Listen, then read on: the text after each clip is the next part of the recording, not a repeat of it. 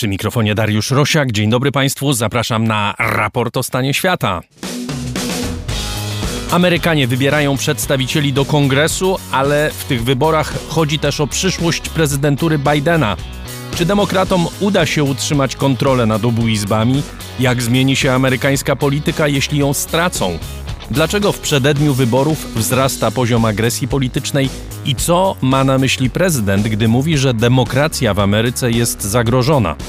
Rząd Etiopii i rebelianci z Tigraju podpisują umowę pokojową.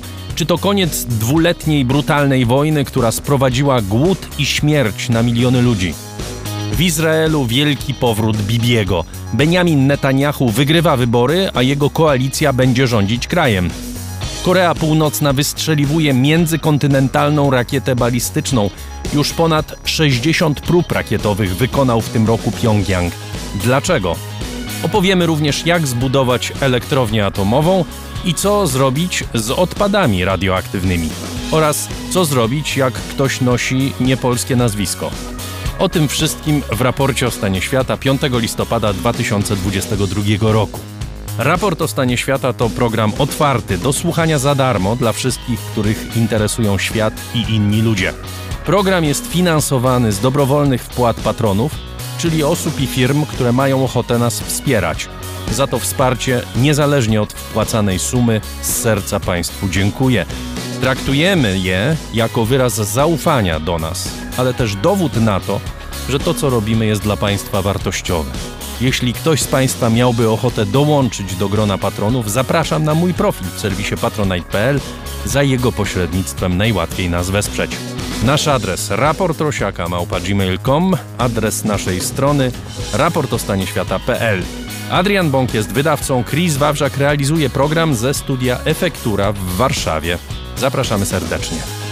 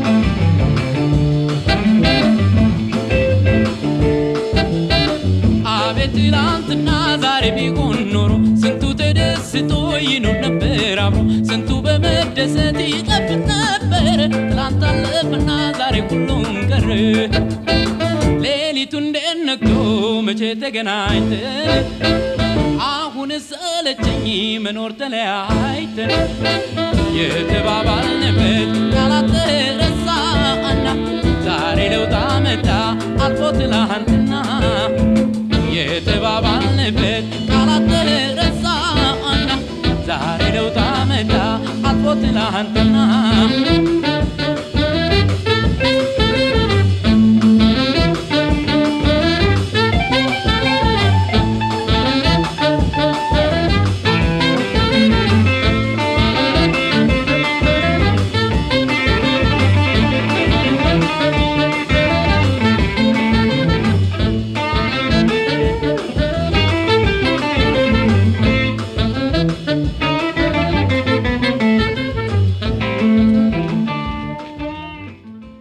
Alemajehu Eschete z legendarnej serii płytowej Etiopik, które dokumentują piękno i bogactwo etiopskiej muzyki jazzowej i nie tylko. O Etiopii za chwilę zaczynamy od Stanów Zjednoczonych. Amerykanie wybierają we wtorek swoich przedstawicieli do kongresu, całą Izbę Reprezentantów i 35 ze 100 członków Senatu. To kolejne wybory, o których media mówią, że są przełomowe. Zresztą tak media mówią obecnie o niemal każdych wyborach w każdym kraju, co tym razem zresztą może być prawdą. W grze jest kontrola nad dwoma izbami kongresu, a co za tym idzie druga część kadencji Joe Bidena. Bez wsparcia kongresu, a przypomnijmy, że demokraci obecnie kontrolują obie izby, niemal każda decyzja Bidena będzie mogła być kontestowana przez parlament. Oczywiście większość republikańska w jednej lub obu izbach to także zupełnie inna sytuacja polityczna w obliczu wyborów prezydenckich 2024 roku. A w studio Andrzej Kochut, autor podcastu po amerykańsku i autor niedawno wydanej książki Ameryka Dom Podzielony. Witam Cię, dzień dobry. Dzień dobry, witam serdecznie. Nie ma chyba lepszego tytułu dla zobrazowania stanu amerykańskiego społeczeństwa przed tymi wyborami. I Twój opis Ameryki, który zamieszczasz w książce od 2016 roku do czasów po zwycięstwie Bidena, bo o tym jest Twoja książka, ten opis jest ciągle aktualny, zmieniają się szczegóły, dochodzą nowe rzeczy, ale obraz, czy powiedziałbym, atmosfera społeczno-polityczna jest mniej więcej taka sama. To jest naród podzielony, nawet powiedziałbym rozdarty, nierozmawiający ze sobą, najwyraźniej dopuszczający przemoc w rozwiązywaniu sporów politycznych. Te kilka tematów, które opisywałeś w książce aborcja, właśnie przemoc polityczna i nie tylko, przemoc na tle rasowym, stosunek do postaci Donalda Trumpa, stan gospodarki amerykańskiej to są rzeczy, które są istotne w tych wyborach? To są rzeczy, które są istotne w tych wyborach, choć e, chyba najistotniejszą okazuje się ta, o której powiedziałeś na koniec, to znaczy kwestia stanu amerykańskiej gospodarki. Długo wydawało się, że inne tematy mogą zdominować midterm elections, te wybory, które przed nami. E, demokraci bardzo na to liczyli, bo liczyli, że właśnie uda się w pełni zagrać na tej polaryzacji, zmotywować wyborców do tego, by jeszcze raz starali się, biorąc udział w wyborach, bronić demokracji, że jeszcze raz zawalczą o kwestie światopoglądowo istotne, takie jak aborcja. Tymczasem... Podstawowa rzecz, prawda? Aborcja i to, co się stało z dopuszczalnością aborcji. Zgadza po się. czerwcowym orzeczeniu Sądu Najwyższego. Zgadza się. Natomiast to, co pokazują sondaże w ostatnim czasie, to to, że w obliczu sytuacji gospodarczej w Stanach Zjednoczonych dzisiaj te kwestie, kwestia stanu amerykańskiej demokracji, kwestia aborcji schodzą na dalszy plan. Wyborcy patrzą przede wszystkim na to, że inflacja wciąż rośnie, na to, że Fed podnosi stopy procentowe, że kredyty drożeją, że w sklepach ceny są wyższe, że na stacjach paliw trzeba zostawić więcej dolarów niż to miało miejsce jeszcze kilkanaście powiedzmy miesięcy temu i to dzisiaj przesądza o tym, jak będą głosowali, a jeżeli nie przesądza, to przynajmniej wywiera największy wpływ, co jest oczywiście niekorzystne dla Partii Demokratycznej. No właśnie, pewnie dlatego Joe Biden mówi, że demokracja jest zagrożona, prawda? To jest próba zmiany tematu? Dokładnie tak. Joe Biden stara się przypomnieć, że te wybory mają również inną wagę, że to nie są tylko wybory pomiędzy dwoma partiami, e, które różnie patrzą na e, sprawy gospodarcze i że właśnie przez ten pryzmat, pryzmat walki o amerykańską demokrację powinni na nią spojrzeć wyborcy, po to właśnie, by zmotywować tych wyborców mniej zdecydowanych, by poparli partię demokratyczną, ponieważ e, ta tematyka gospodarcza jest dla demokratów wysoce trudna. Po pierwsze, dlatego, że Joe Biden i jego administracja rządzą, a zawsze odpowiedzialność za sytuację gospodarczą łatwiej złożyć na tych, którzy aktualnie rządzą krajem. Po drugie, dlatego, że wyborcy mają tendencję w Stanach Zjednoczonych obdarzać większym zaufaniem e, partię republikańską, jeżeli chodzi o kwestie gospodarcze, i podobnie jest i tym razem. Ale tak się zastanawiam, bo to może nie jest wyłącznie czysta retoryka.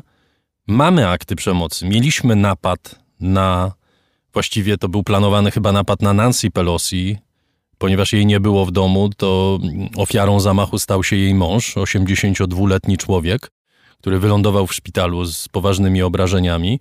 To są rzeczy, które od 21 roku, od czasu szturmu na Kapitol, gdzieś tam wiszą ciągle nad procesem politycznym, nad tym, czym jest demokracja amerykańska co chwila ta przemocowość tej debaty publicznej wychodzi na jaw, prawda? No mam wrażenie, że tak, że tych aktów przemocy politycznej rzeczywiście obserwujemy więcej w ostatnim czasie, ale to mimo wszystko y, nie jest w tej chwili największe zagrożenie. Dużo większym zagrożeniem jest y, przemoc nie taka jednostkowa, taka jak w przypadku ataku na dom państwa Pelosi, ale przemoc masowa, która mogłaby wyniknąć y, z braku rozstrzygnięcia którychś wyborów, z zakwestionowania wyniku procesu wyborczego, a to niestety, co pokazał 2020 rok, jest możliwe. Może się zdarzyć, że jedna ze stron politycznego podziału powie, wynik wyborczy, który obserwujemy, jest wynikiem sfałszowanym, jest wynikiem pozbawionym legitymizacji, musimy te wybory rozstrzygnąć w jakiś inny sposób i wtedy otwiera się furtka tak naprawdę do wszelkich możliwych rozwiązań. Wiemy, że ta narracja o sfałszowanych wyborach, o nieprawidłowościach w procesie wyborczym to jest coś, co jest wciąż obecne w kampanii Partii Republikańskiej.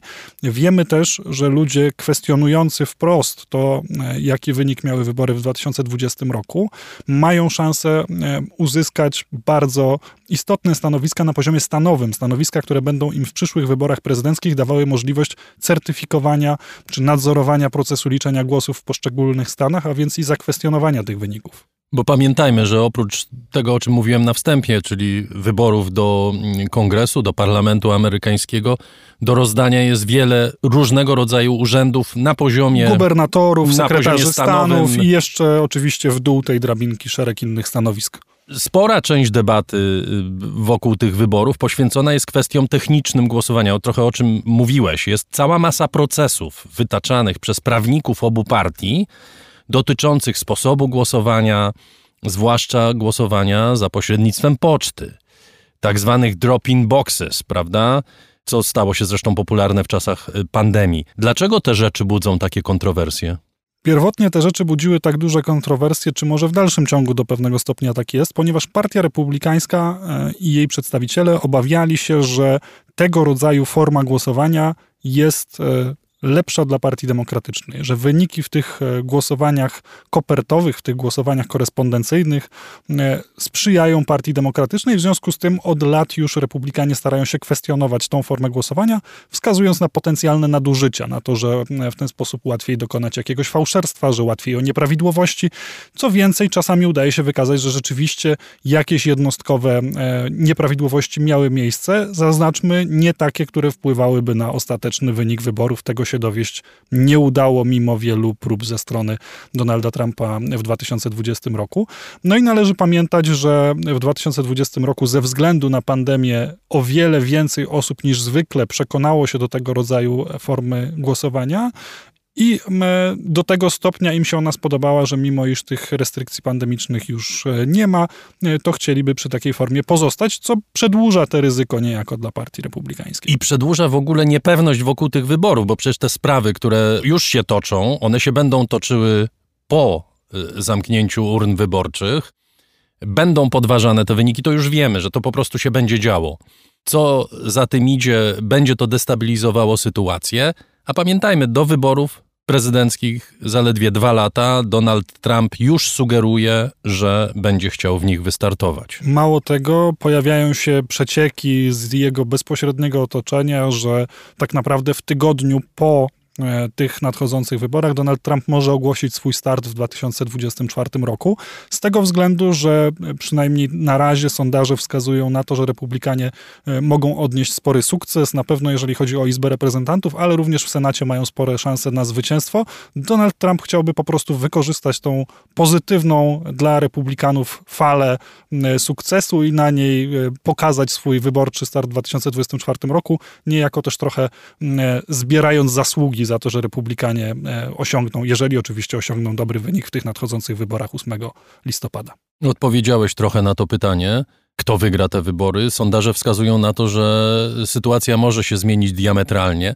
Nawet jedna izba kongresu w rękach republikanów to jest poważny problem dla Bidena. Te jego reformy związane ze kwestiami obyczajowymi czy społecznymi z pewnością będą narażone na, na po prostu na brak realizacji. A druga rzecz to jest utrudnianie polityki gospodarczej. Polityka gospodarcza w tej chwili w każdym państwie to jest bieg z przeszkodami.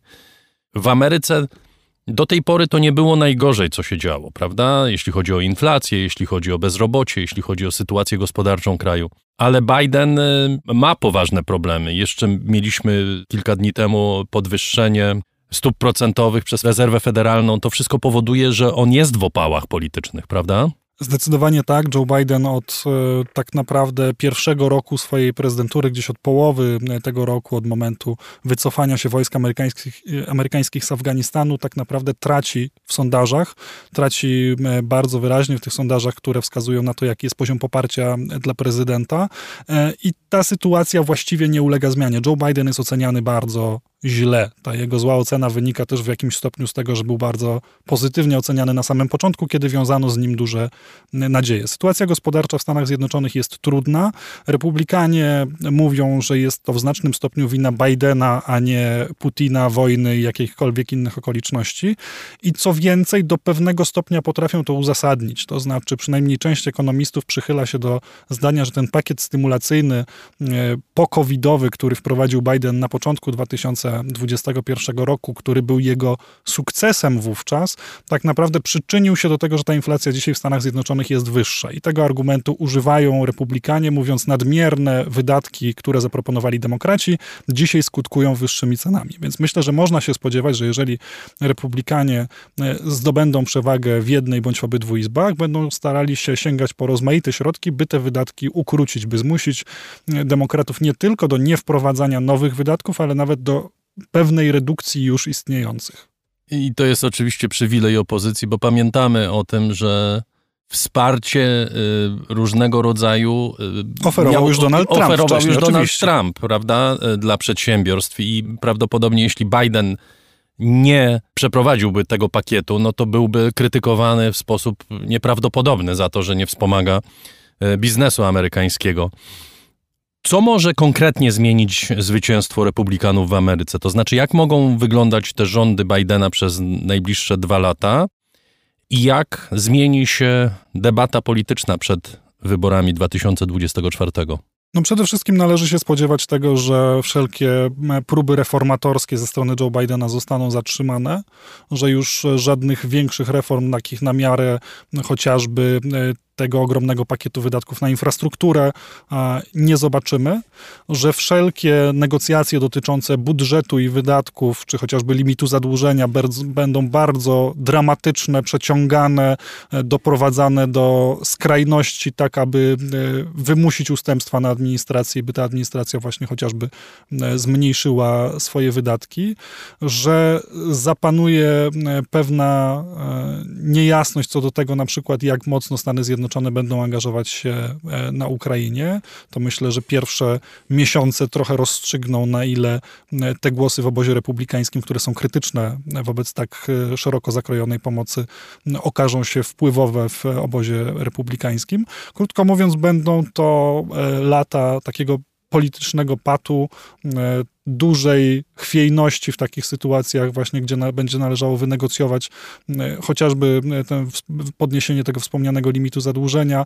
Będą to lata bezproduktywne trochę, jeżeli chodzi o zmiany w Stanach Zjednoczonych i na pewno e, będą to też lata wzrastającej polaryzacji, bo obydwa ośrodki władzy, zarówno ten kongresowy, jak i prezydencki, będą się wzajemnie oskarżały o skutki tego, co nastąpi.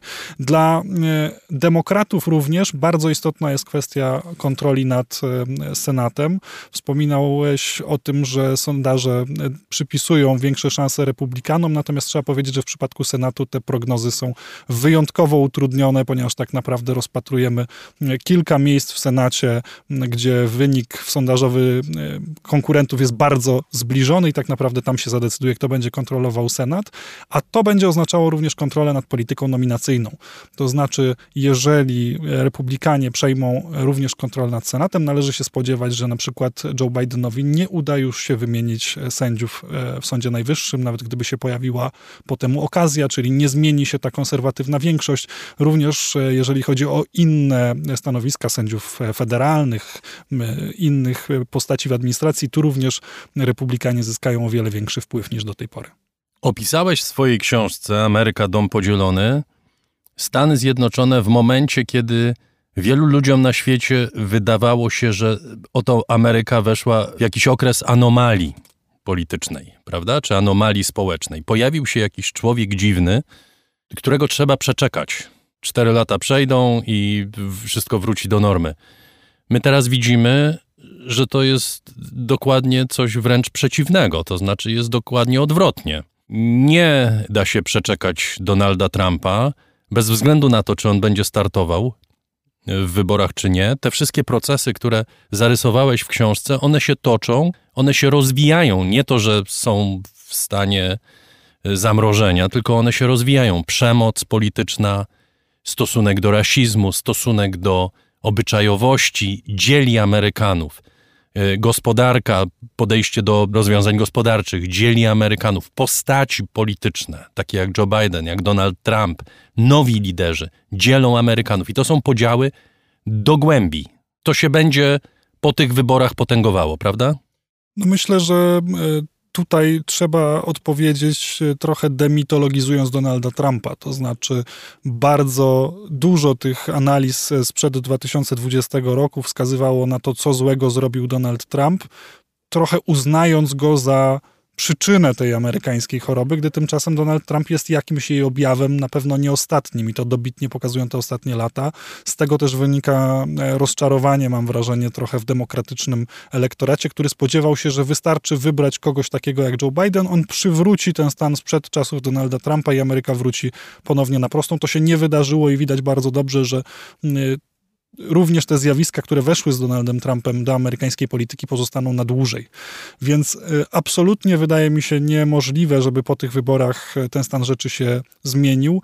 Y, wspomnę jedno wydarzenie, wydaje mi się dosyć ciekawe. Ron DeSantis, gubernator Florydy, potencjalny rywal Donalda Trumpa w prawyborach, jeżeli do nich dojdzie w 2024 roku, jeżeli oczywiście Donald Trump zdecyduje się wystartować, który żeby pokazać jak bardzo poważnym problemem jest imigracja, postanowił zebrać imigrantów z południowej, nielegalnych imigrantów z południowej granicy Stanów Zjednoczonych, którzy przybyli do Teksasu, nawet nie do stanu, gdzie jest gubernatorem, bo on jest gubernatorem na Florydzie, i wysłać ich no, do, na taką wyspę, gdzie uwielbiają spędzać czas liberałowie ze wschodniego wybrzeża na Mar do Martha's Vineyard.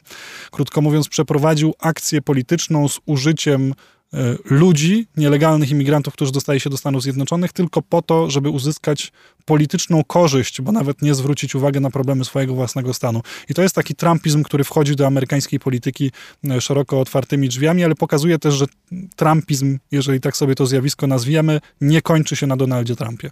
Bardzo dziękuję. Andrzej Kochut, autor podcastu po amerykańsku, autor niedawno wydanej książki Ameryka Dom Podzielony, której przeczytanie bardzo Państwu polecam był gościem raportu o stanie świata. Bardzo dziękuję.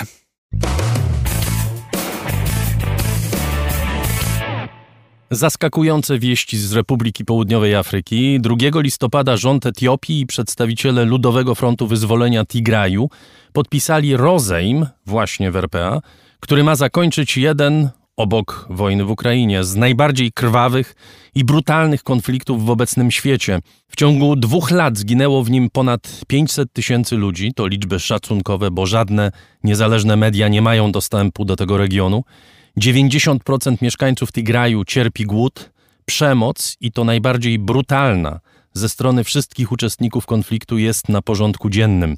I teraz nagle, zaledwie po tygodniu negocjacji w RPA, dwie strony konfliktu, czyli rząd centralny i rebelianci tygrajscy, podpisują porozumienie pokojowe.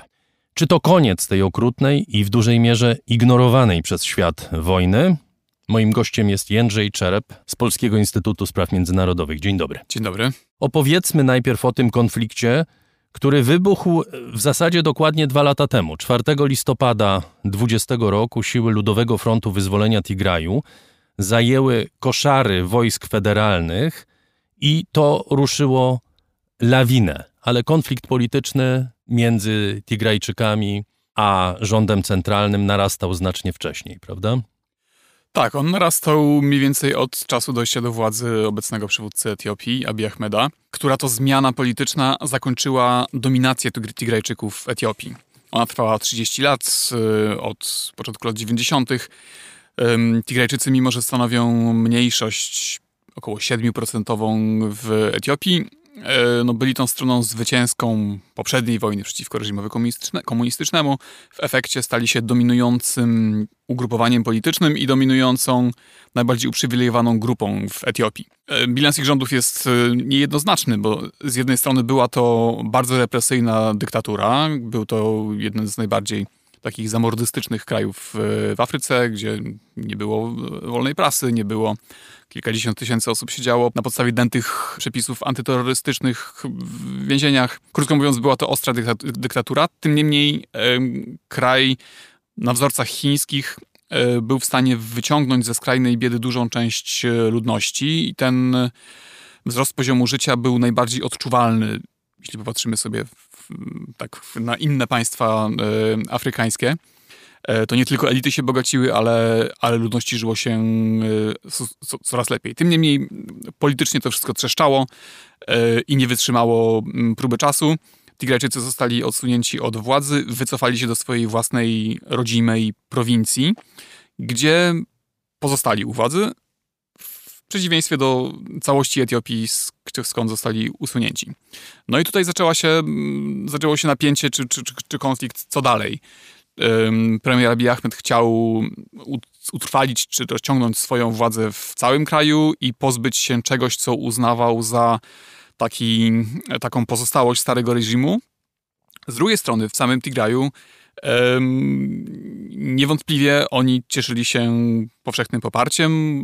Tigrajski Front był uznawany za E, taką prawdziwą reprezentację e, tej, tej ludności, zorganizowali sobie własne wybory, nie oglądając się na stolicę, w której w której w sposób uczciwy wygrali z ponad 90% poparciem. Obydwie strony zaczęły się nawzajem ignorować, nie uznawać prawa do legitymacji, do, do, do władzy, przestały właściwie mieć jakikolwiek z sobą kontakt. Tigraj został de facto wyłączony z Etiopii przestały tam docierać jakiekolwiek e, usługi państwowe. E, został w którymś momencie odcięty od bankowości. Tigrajczycy nie mieli możliwości korzystania ze swoich pieniędzy. No i ta wojna zaczęła wisieć coraz bardziej na włosku. Pchała do niej najbardziej sąsiednia Erytrea, znana jako Korea Północna Afryki, państwo, które uważało w tym w trwaniu Tigrajskiego Frontu egzystencjalne zagrożenie dla własnego, dla własnego reżimu. I z podpuszczenia Erytrejczyków no, premier Etiopii zmienił kurs z takiego pojednawczego na ostro konfrontacyjny. Historycy osądzą, kto pierwsze strzały w tym, w tym konflikcie prawda, wystrzelił. E, przygotowania tej, do tej wojny jednak po obydwu stronach były już od dawna toczone, no i ona wybuchła dokładnie dwa lata temu. I jeszcze a propos historii, wspominasz rolę Erytrei. Erytrejczycy mieli bardzo poważny problem z Tigrajczykami, ponieważ w tej wojnie, która toczyła się e, od 98 roku do 2000 i którą zakończył Abiy Ahmed i która była totalnie bezsensowna, bo nie wiadomo było w zasadzie o co oni się tam biją. Wiele jest takich wojen, ale ta akurat była szczególnie bezsensowna. Tigrajczycy y, no bardzo mocno właśnie Erytrei dawali się we znaki, prawda? Tak, a pamiętajmy, że to są kuzyni, to jest właściwie jeden lud. On został rozdzielony w czasach y, kolonialnych. Erytrea przypadła Włochom jako, jako włoska Afryka, y, część włoskiej Afryki Wschodniej. Tigrajczycy, ci, o których dzisiaj mówimy, którzy byli w granicach Etiopii, mówią tym samym językiem, mają te same, tą samą kulturę, te same święta, to są rodziny. Jeśli popatrzymy sobie na, na, na wierchuszkę reżimu erytrejskiego, to większość kluczowych postaci e, urodziło się i wychowało w etiopskim Tigraju. To, to są, tam te, ta granica jest bardzo iluzoryczna, ale właśnie wtedy, w tym momencie, o którym, o którym mówisz, ta granica zapadła tam niczym mur berliński, rozdzielając e, rodziny. E, momentalnie urwały się połączenia telefoniczne, jakiekolwiek kontakty międzyludzkie. Rodziny zostały rozdzielone na, na, na, na, na wiele lat podobnie do muru berlińskiego czy do podziału Korei na północną i południową. Mówisz o tym, że nie wiadomo dokładnie, kto rozpoczął tę wojnę w sensie fizycznym, w sensie takim, kto pierwszy wystrzelił. Potem oczywiście też różnie ona się toczyła na polu bitwy. Natomiast jedna rzecz jest pewna, jedna rzecz jest widoczna jak na dłoni. Bestialstwo właściwie wszystkich stron biorących udział y, w tym konflikcie bezradność ludzi żyjących y, w Tigraju. Prowincja została całkowicie odcięta od świata. ONZ uznało sytuację w Tigraju za największy kryzys humanitarny y, na świecie obecnie i mówiono to również w czasie wojny w Ukrainie. Jak do tego doszło? To znaczy, dlaczego akurat taka była dynamika tej wojny? Tak, rzeczywiście to jest największy kryzys humanitarny. Około 13 milionów osób według szacunków ONZ-u wymaga pilnej pomocy humanitarnej w samym Tigraju i w prowincjach sąsiednich. I jest to najostrzejszy konflikt zbrojny na świecie, który przewyższa Ukrainę pod każdym względem. Około 500 tysięcy członków różnego rodzaju formacji zbrojnych po samej jednej stronie etiopsko-erytrejskiej jest zaangażowanych, jeśli dołączymy do tego partyzantów tigrajskich, czy siły tigrajskie regionalne, jak one siebie nazywają. Możemy tutaj e, zbliżać się do miliona e, żołnierzy czy, czy ludzi pod bronią, którzy, którzy walczą na froncie.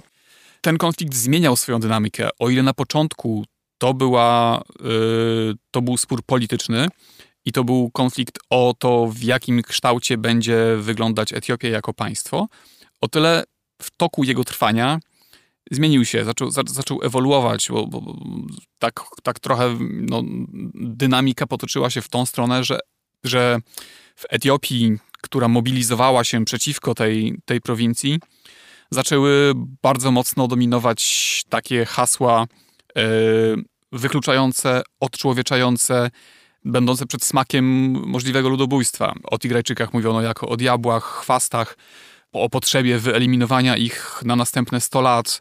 Padały głosy nawet z otoczenia premiera Abiy Ahmeda o tym, że to jest właściwie takie pozytywne działanie, które sprzyja kontroli populacji. Naprawdę taka retoryka najgorszego, najgorszego rodzaju. Krótko mówiąc, Tigrajczycy zostali wykluczeni ze wspólnoty etiopskiej. Zostali uznani za obcych, za wrogów, pomimo że Tigraj nie ma czegoś bardziej etiopskiego niż, niż Tigraj. To jest kolebka etiopskiej cywilizacji, to jest starożytne Królestwo Aksum, to są początki chrześcijaństwa etiopskiego, najwspanialsze zabytki. E, to na tym rdzeniu powstało to, co dzisiaj nazywamy Etiopią, więc Tigrajczycy nie mają jakiejś innej, nieetiopskiej kultury pochodzenia, czy, czy, czy czegoś, do czego można by ich przyłączyć.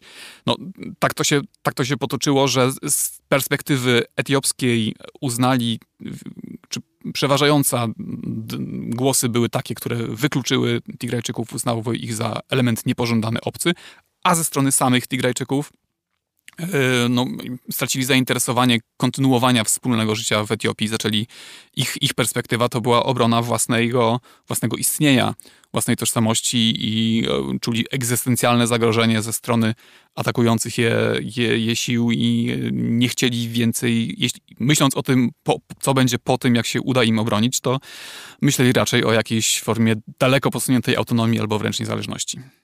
I teraz zaskoczenie. Tydzień temu mniej więcej rozpoczynają się rozmowy pokojowe. Nikt specjalnie nie liczy na to, że e, nastąpi sukces, nastąpi przełom. I po tygodniu Dochodzi do podpisania porozumienia, obie strony podpisują. W tej wojnie uczestniczą jeszcze inne strony, inne wojska. Wspomnieliśmy, cały czas mówimy o, o Erytrejczykach przede wszystkim.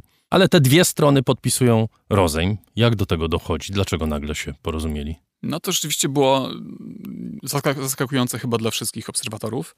Chociaż taki taniec wokół prób mediacji czy, czy podejść do, do, do rozmów pokojowych trwał oczywiście już dosyć długo. Tym niemniej główni gracze, który, którzy teraz doprowadzili go do jakiegoś końca, byli mm, skądinąd słusznie oskarżani o, o brak czystych intencji, o, o stronniczość, o w gruncie rzeczy sprzyjanie em, władzom etiopskim w przeciąganiu tego jak najdłużej, po to, żeby dać Etiopii przewagę militarną, żeby mogła ona podyktować warunki kapitulacji. E, I, temu wydaje się miał, mia, mia, miała służyć no, misja byłego prezydenta Nigerii Olusegun Obasanjo, któremu Tigrajczycy nie ufali za grosz, którego e, zmiany domagali się cały czas, a a warunkiem, to jest punkt pierwszy jakiegokolwiek, prawda, e, jakiejkolwiek mediacji, to mediator musi być niezależną stroną trzecią, której ufają obydwie siedzące przy stole. Tutaj tego zaufania nie było i to, czego domagali się Tigrajczycy, to zmiana głównego negocjatora. Amerykanie lansowali byłego prezydenta Kenii, yy, byłego już prezydenta Kenii, Uhuru, Kenyattę. No, w ostatniej chwili zostały te dwie mediacje kompromisowo połączone i obydwaj yy, panowie byli gospodarzami tych rozmów w, RPA, o których mówimy. Natomiast mogły one się odbyć dzięki przełomowi po pierwsze na froncie. Etiopczycy i Erytrejczycy przełamali obronę, linie obrony tigrajskie, weszli głęboko w, w głąb prowincji, zbliżając się w stronę stolicy, choć tak naprawdę nie, nie, nie zajmowali terytorium, raczej no, w, duży, w dużym stopniu też wpadali w pułapki. E, Tym niemniej, Tigrajczycy nie mieli żadnego wsparcia z zewnątrz. Oni od dwóch lat byli poddawani pełnej blokadzie, nie mieli żadnych przyjaciół, którzy dostarczaliby im e, jakąkolwiek pomoc, także militarną. Więc znaleźli się w sytuacji bez wyjścia, znaleźli się w sytuacji podbramkowej, której uznali, że własne przetrwanie jako, jako, jak- jako narodu, jako ludu jest ważniejsze niż cele polityczne i zgodzili się na, na, na, na te warunki, które podyktowała im Etiopia. Jest jeszcze wcześnie, y, jeśli chodzi o skutki tego rozejmu, bo rozmawiamy w piątek, y, w środę y, zawarto porozumienie, ale czy rzeczywiście walki ustały? Wiemy coś na ten temat? Z doniesień z, z regionu wynika, że nie ustały. Yy, One trwały w dniu, w którym to porozumienie zostało, zostało podpisane, yy, a także w kolejnym dniu tigraj, tygrajskie media nadające z tego regionu, czy dono, donoszące o, o, wydarzeniach z tego regionu, ym, opisywały choćby ataki dronów, które miały się zdarzyć no, tego pierwszego dnia, w którym według na papierze już miał definitywnie zapanować, zapa- zapanować spokój. E, Także po stronie, po stronie etiopskiej, chociaż w samym porozumieniu obydwie strony kategorycznie i wyraźnie zobowiązują się do wstrzymania się z jakąkolwiek nienawistną retoryką i propagandą. To jest niezwykle istotna część tego, bo politycy mogą uzgodnić sobie jedno, ale rozhuśtane, nienawistne nastroje e, w społeczeństwie jest wyhamować o wiele trudniej i, i zatrzymać. Chociaż do tego się zobowiązały, to nie przestrzegały tego.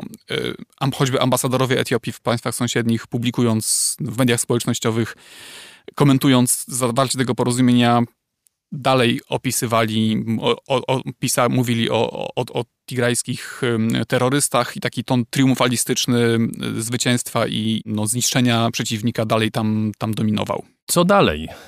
90% ludzi w Tigraju cierpi głód, jedna trzecia to są dzieci. Prowincja jest y, ponoć kompletnie zniszczona i na dodatek y, świat się nie interesuje tą wojną. To nie jest tak jak z Ukrainą, że y, myślimy o planach Marszala dla Ukrainy. Nikt nie myśli o planie Marszala dla Tigraju.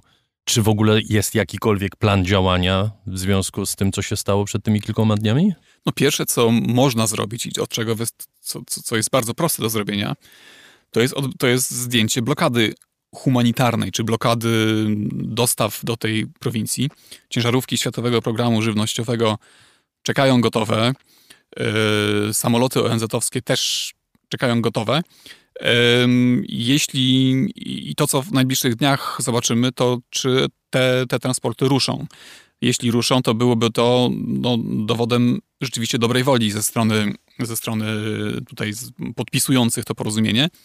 E, takim gestem dobrej woli byłoby też dopuszczenie niezależnych mediów do prowincji. To, to, to wszystko, o czym mówimy, o to, że ono Y, chyba najgęstszą kurtyną tajemnicy i, i, blokady informacyjnej, jaka funkcjonuje we współczesnym świecie. Od dwóch lat właściwie nikt na dobrą sprawę nie wie, co dzieje się w tej prowincji, jak wyglądają realia tego konfliktu, bo tam nie ma żadnych niezależnych głosów. Chyba jeden reportaż BBC pojawił się w ostatnich tygodniach, y, rzeczywiście kręcony w samej prowincji, ale y, co do zasady nie mamy pojęcia o, o, podstawowych rzeczach dotyczących tego konfliktu. Wysłanie tam w tym momencie jakichkolwiek niezależnych obserwatorów pozwoliłoby e, no, mówić o skali problemów i o potrzebach, jakie tam rzeczywiście są.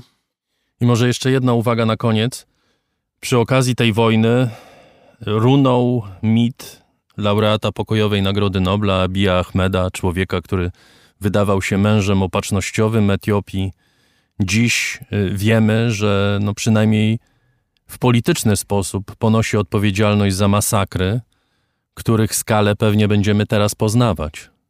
Tak, chyba wszyscy w momencie, kiedy Abiy Ahmed obejmował urząd, brali za dobrą kartę jego młody wiek, jego entuzjazm, jego taką przyjazną twarz, która kontrastowała z tym, co znane było wcześniej. E, on w pierwszych miesiącach swoich działań rzeczywiście wydawał się być jakimś czarodziejem politycznym, który mm, w całym regionie, jak za dotknięciem magicznej różdżki, kończy zadawnione waśnie, e, zbliża ludzi, ułatwia porozumienia i otwiera jakąś nową, bardziej otwartą, przyjazną, wolnościową kartę, która spodziewano się, że będzie promieniować z Etiopii na cały region. Kulminacją tego procesu było spotkanie, uścisk ręki między właśnie etiopskim premierem a przywódcą Erytrei, czyli symbolicznym zakończeniem tego najdziwniejszego i niepotrzebnego y, konfliktu, który podzielił te dwa bratnie ludy niepotrzebnie na, na, na, na wiele dekad. Wielki entuzjazm zapanował i w samej Erytrei, i w Etiopii. Nagle z największych wrogów oni stali się przyjaciółmi no, świat, światowi, z perspektywy świata wydawało się, że to jest powiew wolności, który wieje w rogu Afryki. Później okazało się, że był to pakt wojenny dwóch dżentelmenów przeciwko wspólnemu wrogowi, czego konsekwencje e, możemy oglądać dzisiaj. Bardzo dziękuję. Jędrzej Czerep z Polskiego Instytutu Spraw Międzynarodowych był gościem raportu o stanie świata. Dziękuję również.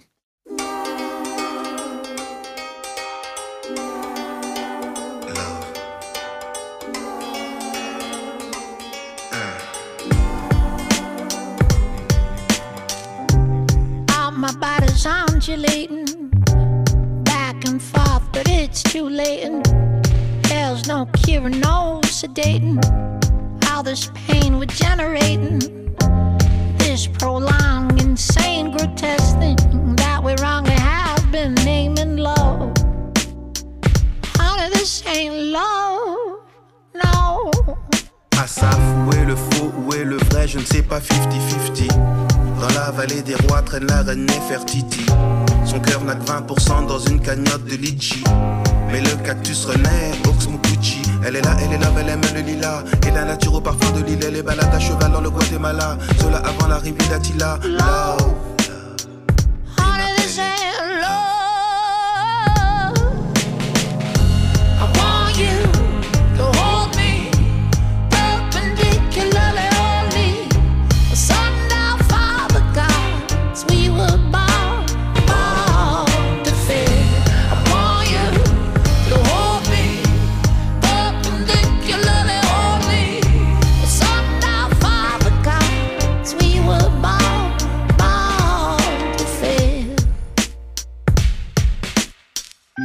Love. and dogs and lightning strikes my heart and sheds some light on to the fact that ain't so frightening.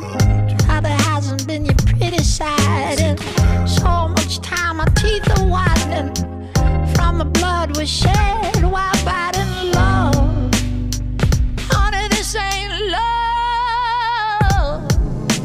Dans le Valhalla court un cheval ailé qui sait sommes-nous ici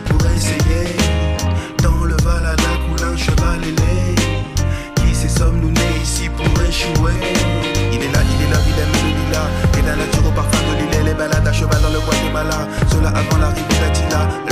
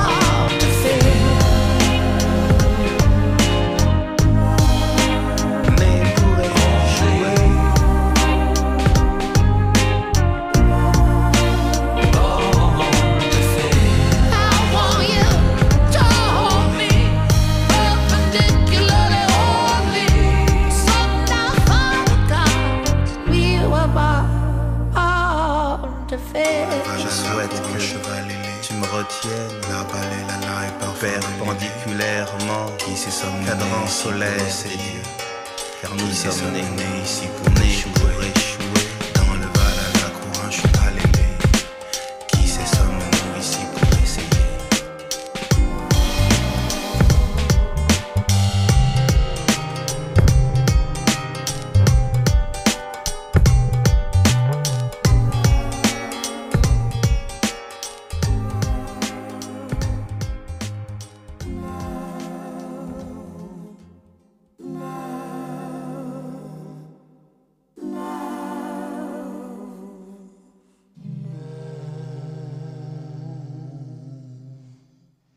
Asafa Avidana dawno nie było w raporcie, więc właśnie był w swojej stosunkowo nowej piosence nagranej w towarzystwie MC Solara, francuskiego rapera. Ale my nie o Francji, tylko o Izraelu i nie teraz, tylko za chwilę. A teraz świat z boku.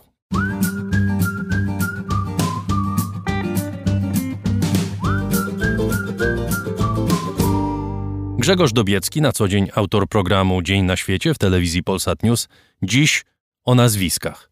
I to niepolskich.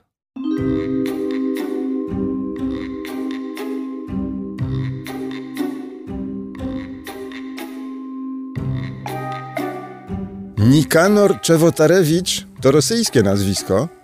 Nie, jestem Amerykaninem. To amerykańskie nazwisko. Odpowiada młody Christopher Walken, Nick z łowcy Jeleni. Ale szuka śmierci i znajduje w rosyjskiej ruletce. Wojenna trauma odbiera mu sens życia. A może to życie kradnie rosyjskiemu Amerykaninowi tożsamość. Przodkowie premiera Francji Pierre'a Bérégovoy nazywali się Bieriegowoy. On już inaczej. Nicolas Sarkozy swojego nazwiska też nie wymawia z węgierska.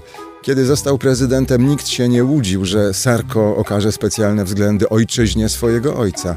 Żadne tam Francuz, Węgier, dwa bratanki. Za sprawą prezydenta Alberta Fujimori i jego córki Keiko Higuchi słońce Peru nie zaświeciło cieplej dla Japonii. Brak dowodów faworyzowania Włoch przez Słowację w czasie, gdy szefem jej rządu był Peter Pellegrini. Barack Obama, syn Kenijczyka, nie zasypał zielonymi banknotami Kenii ani zielonymi kartami Kenijczyków w Stanach. Dla Chorwatów niewiele wynika z faktu, że w Palacio de la Moneda w Santiago de Chile urzęduje Gabriel Boric. Słoweńcy zawdzięczają swojej krajance Melanie Trump głównie karykaturalny pomnik koło Sewnicy. A jednak to są sprawy delikatne. Przy czym nie chodzi tu o rozterkę i ból duszny, jakie znosi powiedzmy bundesminister Cem Özdemir, gdy ogląda mecz Niemcy-Turcja. Idzie o choćby cień podejrzenia, o mgiełkę wątpliwości co do właściwego stosunku potomka imigrantów do kraju, który nie jest dla niego żadną nową, drugą czy przybraną ojczyzną, lecz jego własnym państwem, jedynym, któremu jest winien lojalność, lojalność niepodzielną, nieosłabianą przez żadne resentymenty, nostalgie i zaprzeszłe patriotyzmy. Może się zdarzyć, że mgiełka stężeje w burzową chmurę. Kiedy bomby spadły na Pearl Harbor, Ameryka internowała swoich obywateli japońskiego pochodzenia. Z drugiej strony postimigrantowi grozi zabrnięcie w neoficką nadgorliwość, w ultranacjonalizm, który ma być dowodem wyrwania starych korzeni. Ciekawe, czy takie myśli lęgną się w głowie nowego premiera Wielkiej Brytanii, czy też Rishi Sunak jest od nich najzupełniej wolny. On niby nie musi niczego udowadniać, jednak wcale nie ułatwiają mu życia radosne głosy z Indii, że przez ponad 300 lat Brytyjczycy rządzili Indiami, a teraz, proszę bardzo, że oto historia zatoczyła koło, po którym biegnie hinduski czas. Czy Sunak ma wobec Indii jakiś dług do spłacenia? Nie. Na szczyty nie wyniosło go koło historii, już prędzej koło fortuny napędzane ręką teścia miliardera. Premier Narendra Modi nie powinien się spodziewać łatwych negocjacji z Londynem, zwłaszcza przywilejów wizowych, jakie dostali Australijczycy i Nowozelandczycy. Sunak musi pozostać twardy. Tylko jak twardy? Czy tak jak Hamadura z obozu świętych Żana Raspaja? Indus z Pondicherry w stanie Tamil Nadu który uważa się za syna Francji i staje w jej obronie przed hordą barbarzyńców z Indii.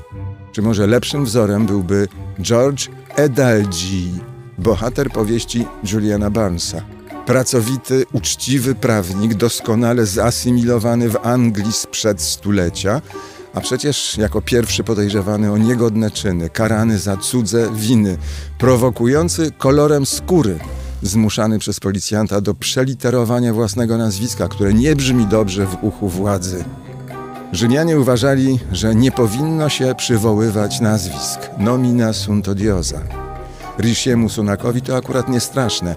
Jest Brytyjczykiem, więc nosi brytyjskie nazwisko.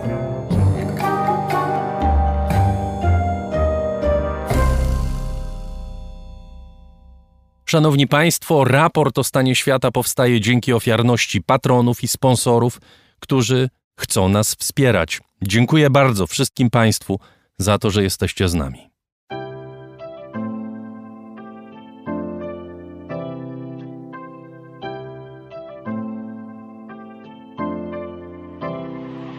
Raport o stanie świata od marca 2020 roku rozwija się dzięki Państwa zaangażowaniu i szczodrości. To dzięki Wam możemy opowiadać o świecie przy pomocy dźwięków.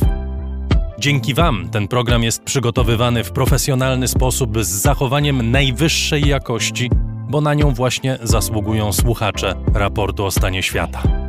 Z serca dziękuję wszystkim Państwu za wpłaty. Wasza hojność jest dla mnie ogromnym zobowiązaniem. Zbiórka na patronite.pl ciągle trwa, zachęcam do udziału. Najhojniejsi patroni raportu o stanie świata to Budujemy halę Six Construction, firma Ampio Smart Home, Aureus, leasing, kredyt, ubezpieczenia, księgowość. Sprawdź nas na www.aureus.pl. Hotel Bania Termal Iski w Białce Tatrzańskiej, oferujący pakiety pobytowe z termami w cenie. Firma doradcza Crido. Galmet Polskie Pompy Ciepła. Gdzie polek.pl Wyszukiwarka leków w aptekach stacjonarnych i internetowych. KR Group Firma outsourcingowa www.krgroup.pl Nowe studia podyplomowe w Polsko-Japońskiej Akademii Technik. Zdobądź cenione na rynku umiejętności. Michał Małkiewicz. Firma Software Mill. Od zawsze zdalni programują dla całego świata. Dom wydawniczy Muza, bo świat nie jest nam obojętny. Pure Play. Transparentna agencja mediowa digital i doradca w budowaniu kompetencji in-house. Uber. Myślimy globalnie, działamy lokalnie. Agnieszka i Sławek Zawadzcy. A także BIMV.pl. Kursy online dla inżynierów. Liceum Błeńskiej Gdańsk-Kowale. Przemyślana edukacja w dobrym miejscu. Piotr Bochnia. Cargo Move. Polska firma spedycyjna o globalnym zasięgu. Transport, spedycja, logistyka. CIO Net and Digital Excellence. Łączymy ludzi i idee. Grupa brokerska CRB. Ubezpieczenie należności dla Twojej firmy. Bezpłatne porównanie ofert www.grupacrb.pl Muzeum Kinematografii w Łodzi, organizator festiwalu mediów Człowiek w zagrożeniu. www.człowiekwzagrożeniu.pl Duna Language Services Biuro tłumaczeń do zadań specjalnych. www.duna.biz Agata Fischer. JMP z miłości do sportu, z najlepszych tkanin w sercu Podhala szyjemy dla Was porządną odzież. Palarnia kawy La Cafo z Augustowa. LSB Data. Dedykowane aplikacje internetowe dla biznesu. Masz pomysł? Zrealizujemy go. lsbdata.com Wydawnictwo Uniwersytetu Łódzkiego. Wydawca książek serii Krótkie Wprowadzenie. Wszystko, co trzeba wiedzieć. Aplikacja Moja Gazetka. Polska proekologiczna aplikacja zakupowa z gazetkami promocyjnymi i nie tylko. Moja Gazetka. Kupuj mądrze. Firma Prosper z Sosnowca, hurtownia elektroenergetyczna i właściciel marki Czystuś. Drukarnia cyfrowa totem.com.pl. Dla nas książka zasługuje na najwyższą jakość. Fundacja Wasowskich, opiekująca się spuścizną Jerzego Wasowskiego i wydawca książek Grzegorza Wasowskiego. Szczegóły na wasowscy.com. Michał Wierzbowski. Wayman oprogramowanie wspomagające firmy inżynieryjne w zarządzaniu projektami, stworzone przez polskich inżynierów dla sektora projektowego. www.wayman Software. Dziękuję bardzo. To dzięki Państwu mamy raport o stanie świata.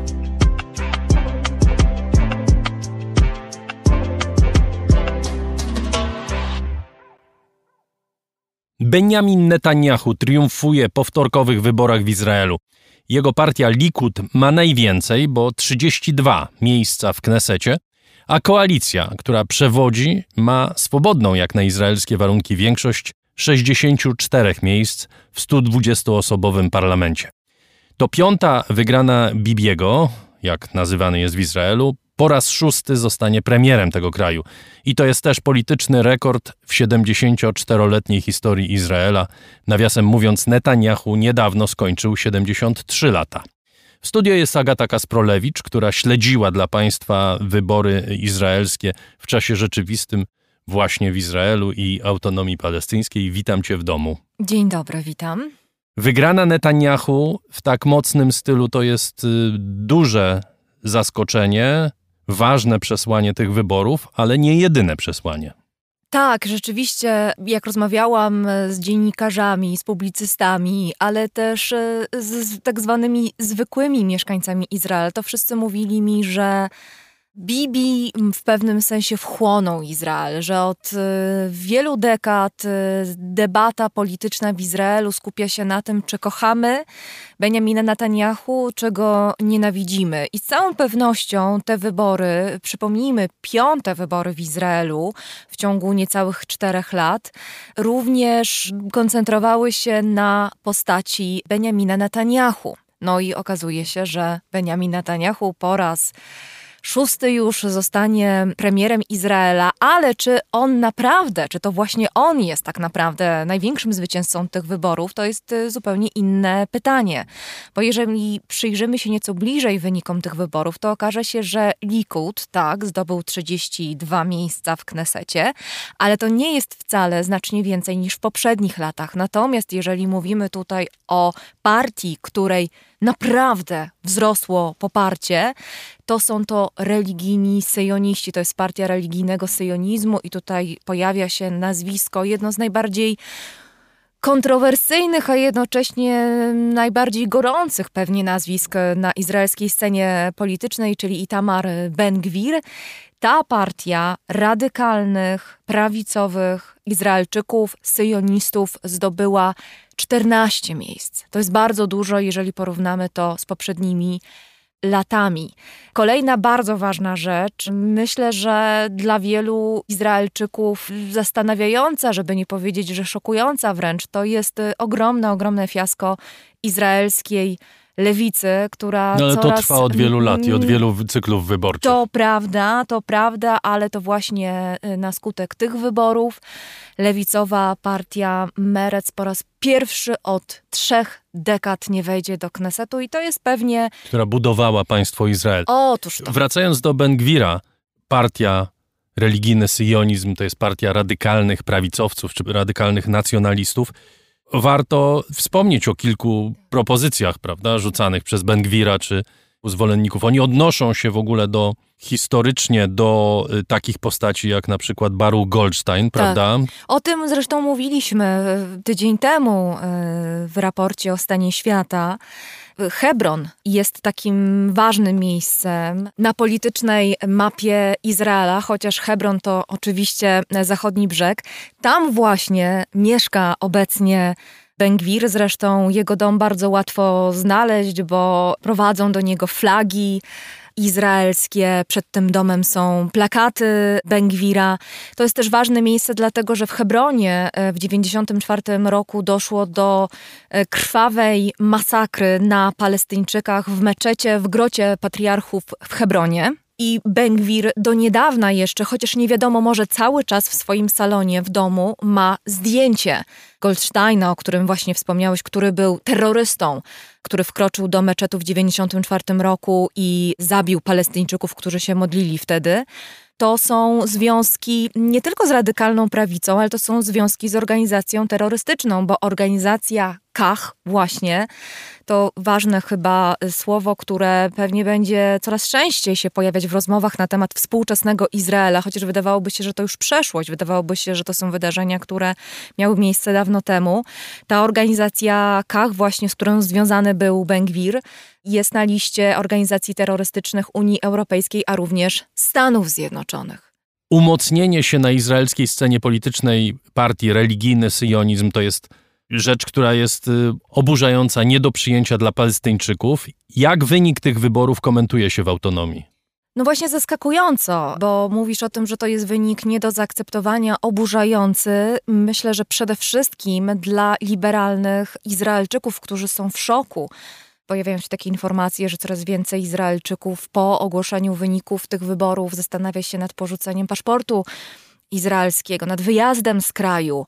Myślę, że więcej takiej gorzkiej refleksji jest właśnie wśród mieszkańców Tel Awiwu czy innych izraelskich miast, które zupełnie nie mają nic, ale to nic wspólnego z taką ideologią, którą przedstawia obecny formujący się rząd Izraela. Jeżeli chodzi o Palestyńczyków, to pamiętam jak y, rozmawiałam y, z Walidem Szomalim w takim miasteczku palestyńskim pod Betlejem Bet Sahur. Zapytałam go właśnie, co on myśli o tych wyborach, czy go niepokoi to, co obserwuje w Izraelu na scenie politycznej. On powiedział, że absolutnie nie, że y, dla niego ktoś taki jak Benjamin Netanyahu, który mówi otwartym tekstem, mówiąc wprost, mówiąc nieco kolokwialnie, o Palestyńczykach, jest kimś y, lepszym niż izraelska lewica, która udawała tylko, że myśli o jakimkolwiek y, procesie pokojowym z Palestyńczykami. Rozmawiałam wczoraj z Ines Abdel Razek z Palestyńskiego Instytutu Dyplomacji Publicznej i zadałam jej dokładnie to samo pytanie, tylko już po ogłoszeniu wyników wyborów. Co na to Palestyńczycy? Co Palestyńczycy myślą i czują, patrząc na to rosnące poparcie dla Bengwira i tej ideologii politycznej, którą on reprezentuje? Oto, co usłyszałam. Among Palestinians, uh, is seen as the true face of uh, eventually Israeli settler colonialism.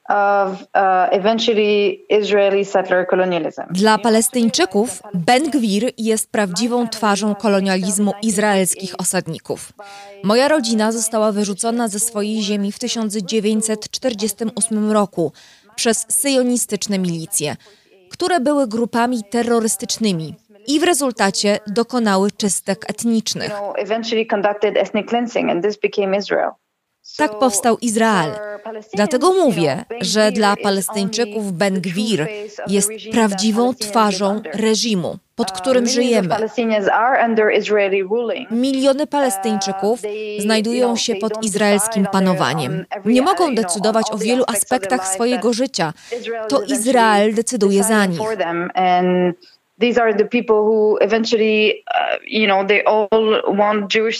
uh. Izraelczycy chcą żydowskiego zwierzchnictwa. Więc tak, Ben Gwir jest terrorystą, jest sięgającym po przemoc rasistą i faszystą, ale jest też po prostu spotęgowaną wersją tego, co pozostali izraelscy politycy, którzy używają łagodniejszego języka, także wspierają. Palestyńczycy doświadczyli rasizmu i dehumanizacji ze wszystkich stron izraelskiego politycznego spektrum. Have experienced racism and dehumanization from all the political spectrum of Israeli political leadership.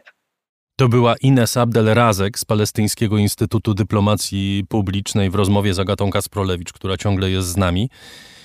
Pewnie nie byłoby Ben Gwira w izraelskiej polityce, w każdym razie w pierwszej linii tej polityki, gdyby nie Benjamin e, Netanyahu. I znów wracamy do tego no, prawdopodobnie nowego premiera Izraela. Wygrał wybory, wszystko na to wskazuje, że po prostu obejmie władzę.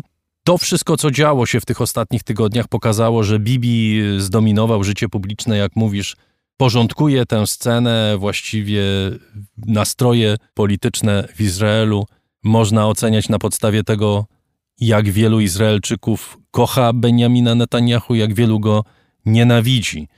Równocześnie to jest człowiek, który dysponuje nieprawdopodobnym zmysłem politycznym, niektórzy mówią geniuszem. No tak, y, dlatego jest y, u władzy tak długo, dlatego jest najdłużej rządzącym premierem Izraela, stąd te jego wszystkie rekordy polityczne. E, no, różnie jest nazywany geniuszem, diabłem, no to w zależności od tego, kto się wypowiada. Natomiast rzeczywiście jest tak, że jeżeli ta scena polityczna w Izraelu jest dominowana przez Benjamina Netanyahu, to nie tylko i wyłącznie z uwagi na emocje, które on wzbudza, ale także na to, że właśnie ten mocny skręt w prawo, czy też e, ten wzrost popularności radykalnej prawicy, to jest dzieło Benjamina Netanyahu, która można powiedzieć, że wciągnął Bengwira i podobnym mu do Knesetu po to, żeby osłabić możliwości koalicyjne e, swoich e, wrogów politycznych, czyli lewicy i centrum. No rzeczywiście od strony takiej taktyki politycznej można powiedzieć, że Benjamin Netanyahu jest geniuszem. Pytanie tylko oczywiście, jaką cenę e, za ten polityczny geniusz, za ten zmysł polityczny Benjamina Netanyahu zapłaci Izrael, zapłacą Izraelczycy, ale również oczywiście Palestyńczycy, nie zapominajmy o tym. Ja rzeczywiście, będąc w Izraelu, miałam ogromną przyjemność rozmawiać z dziennikarzem Hareca, który jest e, autorem głośnej książki, wydanej niedawno w Polsce, o której już e, mówiliśmy tutaj wielokrotnie, Bibi, e, burzliwe życie i czasy Benjamina Netanyahu. Tym e, dziennikarzem jest Anshel Pfeffer i on uważa, że trudno jest bardzo zrozumieć to, co się dzieje na izraelskiej scenie politycznej w 2022 roku, nie cofając się do samych początków, do doświadczeń dziadka Netanyahu, ojca Netanyahu, a później życia życia samego Bibiego od dzieciństwa przez młodość, poprzez już e, te dojrzałe lata i jego karierę polityczną. Jest kilka takich słów, e, które otwierają nam drzwi do zrozumienia, kim jest, kim był, kim stał się Benjamin Netanyahu. I jednym e, z tych słów niewątpliwie jest nazwa jednostki specjalnej, która nazywa się Sayeret Matkal. To jest specjalna jednostka wojskowa, w której służył e, Benjamin Netanyahu i zapytałam Anshela Fefera, dlaczego właśnie Sayirat Matkal to jest to słowo klucz do zrozumienia politycznej kariery Benjamina Netanyahu, a także tego, czym dziś jest Izrael. Well, it's both a status and something which has gone into his personality because to kwestia statusu, a także czegoś więcej, co stało się częścią osobowości, bo Matkal jest bardzo tajną jednostką. Wykonuje misje, o których nikt nigdy nie powinien usłyszeć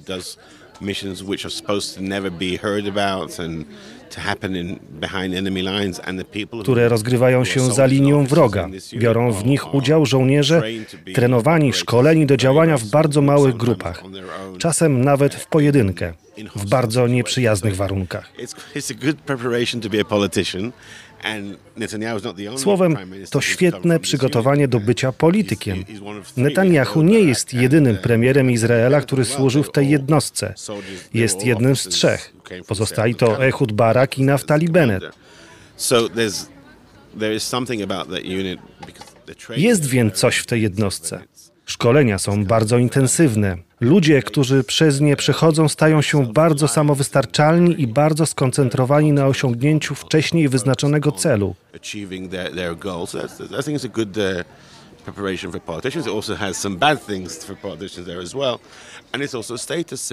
I tak jak już powiedziałem, ta jednostka symbolizuje status. W Izraelu każdy przychodzi przez służbę wojskową. Jednostka, w której się służy, jest ważnym elementem statusu społecznego. Netanyahu, co prawda, zdecydował się na bycie politykiem dopiero w wieku 30 lat, ale od samego początku chciał być częścią elity.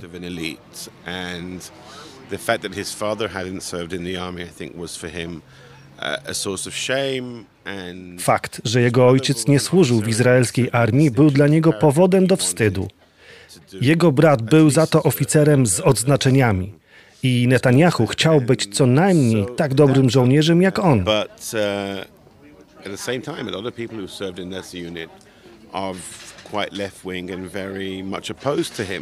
would... Ale z drugiej strony wielu żołnierzy, którzy służyli w tej jednostce, wywodziło się z lewicowych ugrupowań i było jego jawnymi oponentami.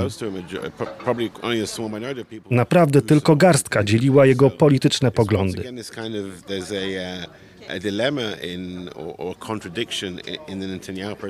To odzwierciedla pewną sprzeczność, która zawsze była częścią osobowości Netanyahu.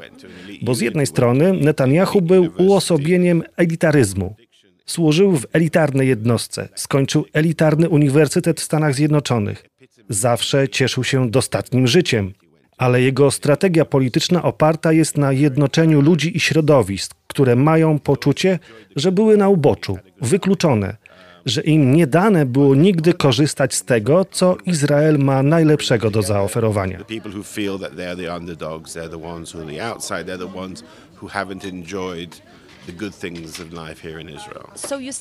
Powiedziałeś, że jednostka Sairat Matkal jest symbolem statusu, ale była też symbolem tajności i skazywała na izolację. Tajność i izolacja w dużej mierze ukształtowały Netanyahu. You know, first of all, his character, he's, he is very no tak. Po pierwsze, Netanyahu jest z natury bardzo podejrzliwy. Woli pracować w małych grupach, wśród ludzi, na których wie, że może polegać.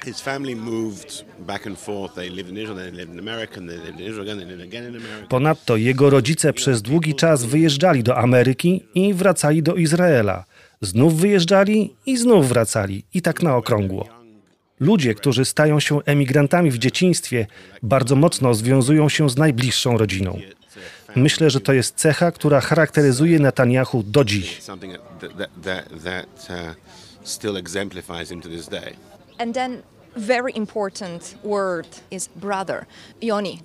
I tu pojawia się ważne słowo brat, Joni. Relacja z bratem, śmierć brata, ale najważniejsze jest to, co stało się po śmierci brata.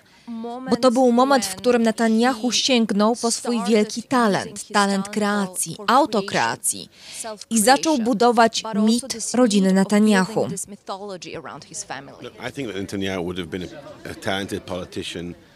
without this family story. I mean, it certainly, certainly helped him a lot.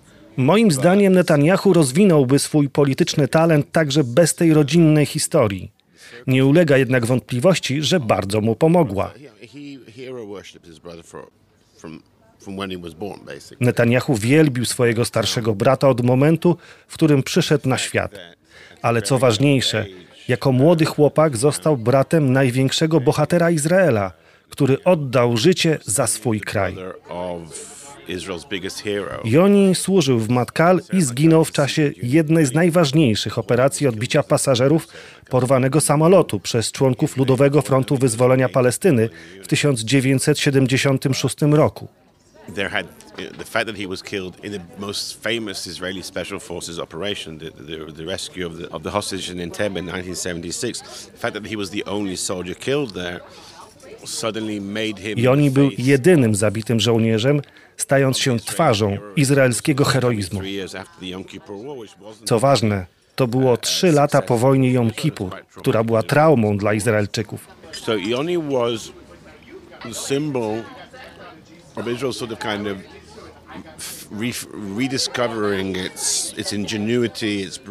Joni stał się symbolem momentu, w którym Izrael odkrył w sobie na nowo pomysłowość, bohaterstwo, siłę armii. To sprawiło, że Joni został wykreowany na większego żołnierza niż w rzeczywistości był. Stał się bohaterem, ale martwym bohaterem.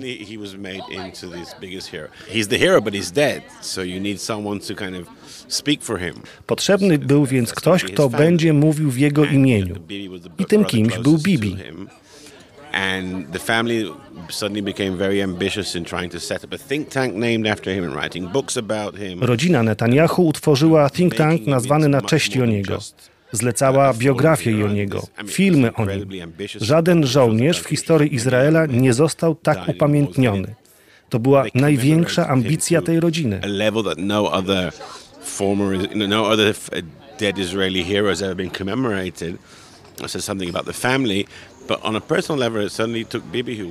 A na poziomie osobistym? Bibi miał wtedy 27 lat. I z dnia na dzień stał się osobą publiczną. Zaczął reprezentować coś, czego ludzie pragnęli. Was on demand because people wanted to hear about this hero and they wanted the death and his life to mean something. So Historię o tym, jak bohaterstwo nadaje sens śmierci. Think tank imienia Joniego stał się ośrodkiem walki z terrorem. Zjeżdżali do niego eksperci z całego świata. Netanyahu świetnie znał się na organizowaniu takich rzeczy. Świetnie wypadał na spotkaniach ze znanymi myślicielami, pisarzami i politykami. Potrafił ich wszystkich zaprosić do Jerozolimy, a powiedzmy sobie szczerze, Jerozolima pod koniec lat 70. to nie było takie miejsce jak dziś, gdzie przyjeżdżają ludzie z całego świata. Wtedy to było naprawdę coś. Jakby sprowadził tu Amerykę. I to był moment, kiedy ludzie wokół zaczęli zauważać, że Netanyahu będzie kimś więcej. To był start kariery Benjamina Netanyahu. And he took it with, uh, with all he could, and he, uh, sorry, uh, and he made it into uh, into the career he is today. And this is that's the beginning of the Netanyahu career. Z pewnością to jest coś, czego nauczył się, czy też przywiózł ze sobą z Ameryki. Piszesz w swojej książce, że przez długi czas Netanyahu używał dwóch imion. W Ameryce przedstawiał się jako Ben, w Izraelu był Benjaminem. Mieszankę amerykańskości i izraelskości w Netanyahu nazywasz rzadkim połączeniem globalizacji i plemienności. Czy to wzięło się z tej schizofrenii? Is it something that comes from this schizophrenia a little bit within? I, I, I wouldn't use the word schizophrenia, but he certainly had. Nie nazwałbym tego schizofrenią, ale z pewnością jego dzieciństwo i młodość do 30 roku życia spędził w dwóch różnych krajach. different countries, and you know, he, in his identity, he, I mean, first of all, for a long time, he was he was a citizen of two countries. as Przez wiele lat miał podwójne obywatelstwo. Najważniejsze elementy swojej tożsamości czerpał z tych dwóch miejsc. I think that for him, he found very compelling elements of identity uh, and and ideas in both countries. So he was, you know, he he very much is a Jewish Israeli nationalist, and he got that. From Jest izraelskim nacjonalistą, co odziedziczył po swoim ojcu, który był profesorem żydowskiej historii. Żydowska historia weszła w niego głęboko, and at the same time, he feels ale jednocześnie przyswajał typowe zachodnie amerykańskie ideały. Dorastał w dwóch równoległych światach. Przyjeżdżał do Izraela, by służyć w armii. Wracał do Ameryki na studia, potem, żeby być dyplomatą. Then went back again as a diplomat. First campaign as leader of Likud in '96. He hired a an American um. W 1996 roku, kiedy prowadził pierwszą kampanię wyborczą Likudu jako lider tej partii, zatrudnił amerykańskiego konsultanta do spraw kampanii. To było coś, czego w tamtym czasie politycy poza Stanami Zjednoczonymi nie robili, nie znali. Nikt nie zatrudniał konsultantów z innych krajów. To był w pewnym sensie przełom w Izraelu. Ale dla niego to było naturalne, bo dorastał w Ameryce. Kiedy był dyplomatą, jego głównym zadaniem była współpraca z amerykańskimi mediami. Kiedy wszedł na dobre do polityki, objął stanowisko zastępcy ministra spraw zagranicznych. I wtedy też jego zadaniem było utrzymywanie kontaktu z zachodnimi dziennikarzami. Więc tak, był globalistą. Ale jednocześnie jego strategia polityczna opiera się na nacjonalistycznym populizmie. Wydaje się, że globalistą jest po jednej stronie, a nacjonalistą po drugiej. Nic z tych rzeczy. On łączy te dwie cechy. Uprawiał politykę w amerykańskim stylu, kiedy nikt tego nie znał ani nie umiał. W tym sensie Netanyahu jest pionierem. Chciałam cię zapytać, jak ci się pisało tę książkę, bo muszę ci się przyznać, że czytając tę biografię, były takie momenty, kiedy naprawdę byłam pod ogromnym wrażeniem Netanyahu. No tak, bo on robi wrażenie. To jak bardzo był ambitny w czasie studiów, potem służąc w armii. Jak bardzo jest inteligentny, oczytany. Miałam takie poczucie, zwłaszcza w pierwszych rozdziałach, że mógł zostać naprawdę wielkim człowiekiem. No dobrze, może nawet nim został, ale jednak dziś patrzymy na niego i widzimy starego polityka z reputacją zszarganą, rozmaitymi skandalami, korupcyjnymi i nie tylko. To dismiss our political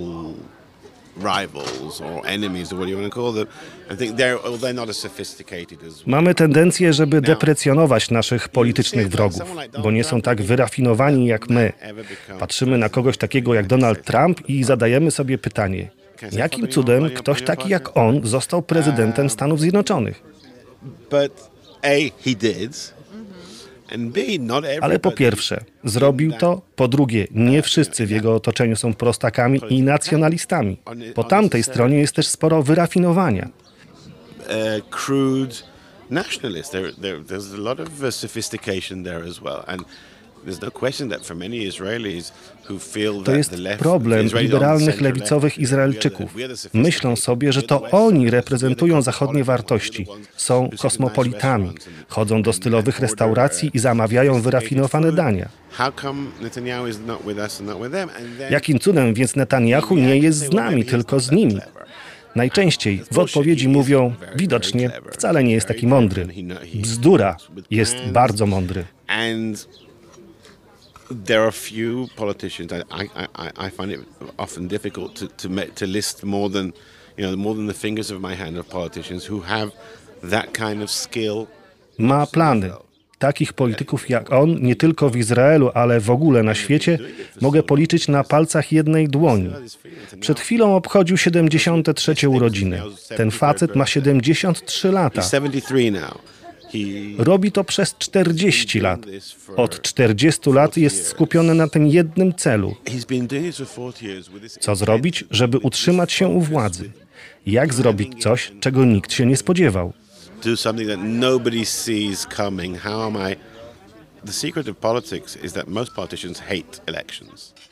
Sekret polityki kryje się w tym, że większość polityków nie znosi wyborów. Muszą spotykać się z ludźmi, uśmiechać się ze spotkania na spotkanie. Chcą, by wybory jak najszybciej się skończyły, by mogli zająć się rządzeniem.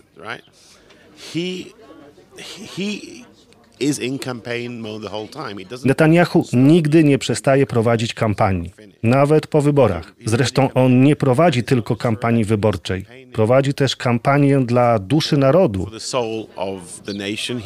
Prowadzi kampanię, żeby przekonać do siebie cały świat, każdego człowieka, zarówno ciebie, jak i przywódców twojego kraju. Just as much as important to try and convince the leadership of the country. It's not because he's egalitarian, because he believes that Nie dlatego, że ma egalitarne poglądy.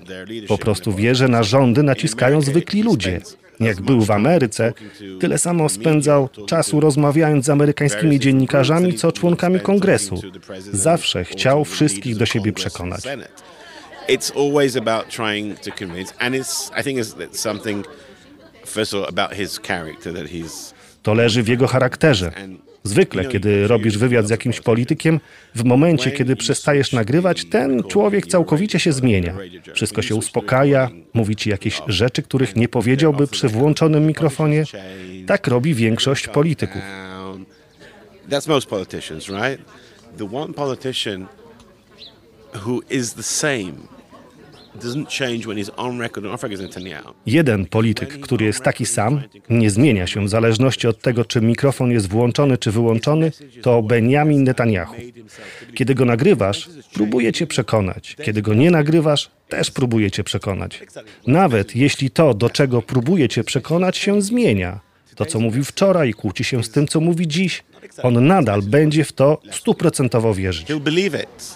He is he, he's 100% convinced of the message right now. Taki szczery polityk? So it depends on how you how you define the word sincere because To zależy, jak definiujesz słowo szczery. On z pewnością wierzy w to, co mówi. Co nie oznacza, że to, co mówi, jest prawdą. Ale on wierzy, że to, co jest dobre dla niego, jest też dobre dla Izraela.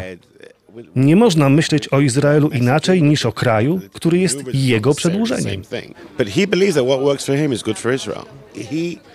Cannot see Israel as being a country which is not in in a way an extension of him.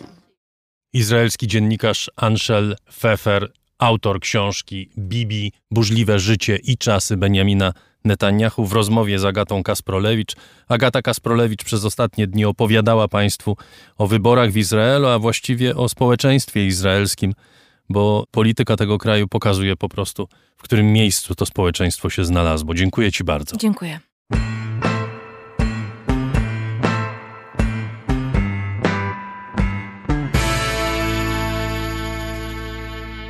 Korea Północna wystrzeliła międzykontynentalną rakietę balistyczną. Próba była nieudana, rakieta spadła w nieznanym terenie, jednak samo jej podjęcie wywołało poważne poruszenie w Japonii i nie tylko. Tego typu rakiety, określane angielskim skrótem ICBM, mają bardzo długi zasięg. Teoretycznie mogłyby przenieść ładunek nawet na teren Stanów Zjednoczonych a poza tym nadają się do przenoszenia ładunków jądrowych, choć nie jest jasne, czy Pjongjang posiada w tej chwili takie możliwości. Ta ostatnia próba była kulminacją działań tego typu w ostatnich tygodniach i miesiącach. W tym roku Korea Północna wystrzeliła ponad 60 rakiet różnego typu, 23 z nich zostały wystrzelone w ostatnią środę. Korea Południowa odpowiedziała rakietami, które wylądowały niedaleko wód terytorialnych Korei Północnej. W studio Oskar Pietrewicz z Polskiego Instytutu Spraw Międzynarodowych. Dzień dobry. Dzień dobry. Skąd to wzmożenie ze strony Kim Jong-una w ostatnich miesiącach? No, z jednej strony jest to reakcja. Jest to reakcja na wznowienie manewrów Stanów Zjednoczonych z Koreą Południową. Te manewry przez y, pięć lat y, właściwie były zawieszone. Najpierw z powodu tego, że władze Korei Południowej ze Stanami Zjednoczonymi doszły do wniosku, że można je wstrzymać, żeby wyciągnąć rękę do Korei Północnej. Później pandemia, sam Donald Trump narzekał, że manewry są zbyt drogie, nie warto. Joe Biden i prezydent Yoon Suk-yeol, prezydent Korei Południowej, doszli do wniosku, że y, manewry nadal są, powinny być filarem sojuszu amerykańsko-południowo-koreańskiego, tym bardziej, że y, Korea Północna nie zaprzestała y, prób rakietowych w ostatnich latach, więc trzeba działać. I Korea Północna traktuje to jako sprzyjającą okoliczność do tego, żeby przetestować kolejne rozwiązania. Ale faktem jest, że mówimy o pewnej sekwencji zdarzeń już od początku tego roku, bo zanim zanim doszło do wznowienia manewrów, to Korea Północna już strzelała, bo mieliśmy właśnie też test y, pocisku o zasięgu międzykontynentalnym. W marcu tego roku to było zerwanie z moratorium jednostronnym, na które, które Korea Północna nałożyła na siebie w 2018 roku, wyciągając rękę do Donalda Trumpa, mówiąc, że rezygnujemy z tej najbardziej eskalacyjnej broni e, rakietowej, chcemy rozmawiać. Widzimy w tym roku, że tak naprawdę mamy no, już pożegnanie zupełnie z jakimikolwiek nadziejami na dialog y, amerykańsko-północno-koreański. Więc wydaje mi się, że tutaj y, jest element, powiedziałbym, bieżączki, trzeba reagować, nie można być tym słabszym w, w, rywalizacji na Półwyspie e, Koreańskim, ale jest też dłuższy proces, e, który zainicjował tak naprawdę deklaracjami e, Kim Jong-un w styczniu 2021 roku podczas zjazdu Partii Pracy Korei. Wówczas powiedział, że ogłosił pięcioletni plan modernizacji sił rakietowych, nuklearnych, w tym rozwoju taktycznej broni jądrowej. To jest dla nas istotne tutaj w Europie, bo słyszymy o możliwości użycia taktycznej broni jądrowej przez e, Rosję na Ukrainie, natomiast e, w przypadku Korei Północnej to jest no właśnie element dywersyfikacji tego portfela nuklearno-rakietowego i e, to, co widzimy, to jest próba uzmysłowienia, że to nie tylko będą deklaracje, ale też czyny, bo te pociski międzykontynentalne to jest oczywiście ten straszak na Stany Zjednoczone, ale pociski krótkiego zasięgu yy, i to właśnie to większość, co testuje Korea Północna w tym roku, to są pociski, które prawdopodobnie też mogłyby przenosić ładunki jądrowe, ale taktyczne. Takich, tak, takich taktycznych ładunków jądrowych Korea Północna jeszcze nie przetestowała. Ostatni test z września 2017 roku to była próba termojądrowa. I wydaje mi się, że jeśli spojrzymy właśnie na ten yy, taki harmonogram działań yy, północno-koreańskich, to niechybnie czeka nas test jądrowy. E, pytanie, czy w najbliższych tygodniach, czy dopiero miesiącach, ale to byłaby logiczna konsekwencja działań. Najpierw testowanie środków przenoszenia, czy pocisków różnego rodzaju, a następnie przetestowanie samych ładunków e, jądrowych o mniejszej mocy, być może nie jeden test, być może powtórka ze scenariusza indyjskiego, kiedy Indie w 1998 roku przetestowały w ciągu dwóch, trzech dni kilka różnego rodzaju e, ładunków e, jądrowych. W tym sensie Korea Północna uwiarygodniłaby się jako mocarstwo atomowe dysponujące no, szerokim wachlarzem oddziaływania za pomocą broni jądrowej. I ważne jest też to, że we wrześniu tego roku Korea Północna ogłosiła zmianę doktryny jądrowej. O ile od 2013, zgodnie z, z, przyjętym wówczas dokumentem, mówiła, że będzie używać broni jądrowej tylko w reakcji na atak innego państwa atomowego, tutaj w domyśle Stanów Zjednoczonych, e, i mówiła, że nie będzie jako pierwsza używać. Natomiast ta doktryna przyjęta we wrześniu tego roku mówi o tym, że dopuszcza Korea Północna możliwość wyprzedzających ataków jądrowych, jeśli poczuje się zagrożona. I w tym sensie to jest niemal kopiuj w klej rosyjskiej doktryny nuklearnej, eskalacji, która ma służyć deeskalacji konfliktu konwencjonalnego. Więc wydaje mi się, że jest e, element takiej rywalizacji na Półwyspie Koreańskim i testowania też nowej administracji prezydenta Yoon Suk-yeola, żeby sprawdzić go. Jeśli jesteś taki hop do przodu i chcesz pokazać się jako ten twardziel, no to my ciebie przetestujemy. A druga rzecz, no to jest ten e, naprawdę zakreślony na wiele lat plan rozwoju potencjału nuklearno-rakietowego Korei Północnej scharakteryzował pan obszernie ten portfel rakietowy, jeśli tak można powiedzieć, e, Korei e, Północnej, bo to jest broń od właśnie testów jądrowych, którego siódmego takiego testu możemy się e, spodziewać. Już sześć przeprowadziła Korea Północna do tej pory poprzez rakiety hipersoniczne, prawda? To jest ta broń bardzo trudno wykrywalna, doskonałej, nowoczesnej technologii po rakiety krótkiego zasięgu. Świat na to patrzy, a zwłaszcza kraje takie jak Japonia, z przerażeniem. To znaczy, Korea od dawna przestała być takim reżimem, z którego wszyscy się śmieją, prawda? To znaczy, symbolem tego reżimu nie jest ta pani z telewizji, która dziwnie wygląda i krzyczy coś, tylko to staje się kraj, który zagraża, poważnie zagraża porządkowi na świecie, szczególnie w tym regionie.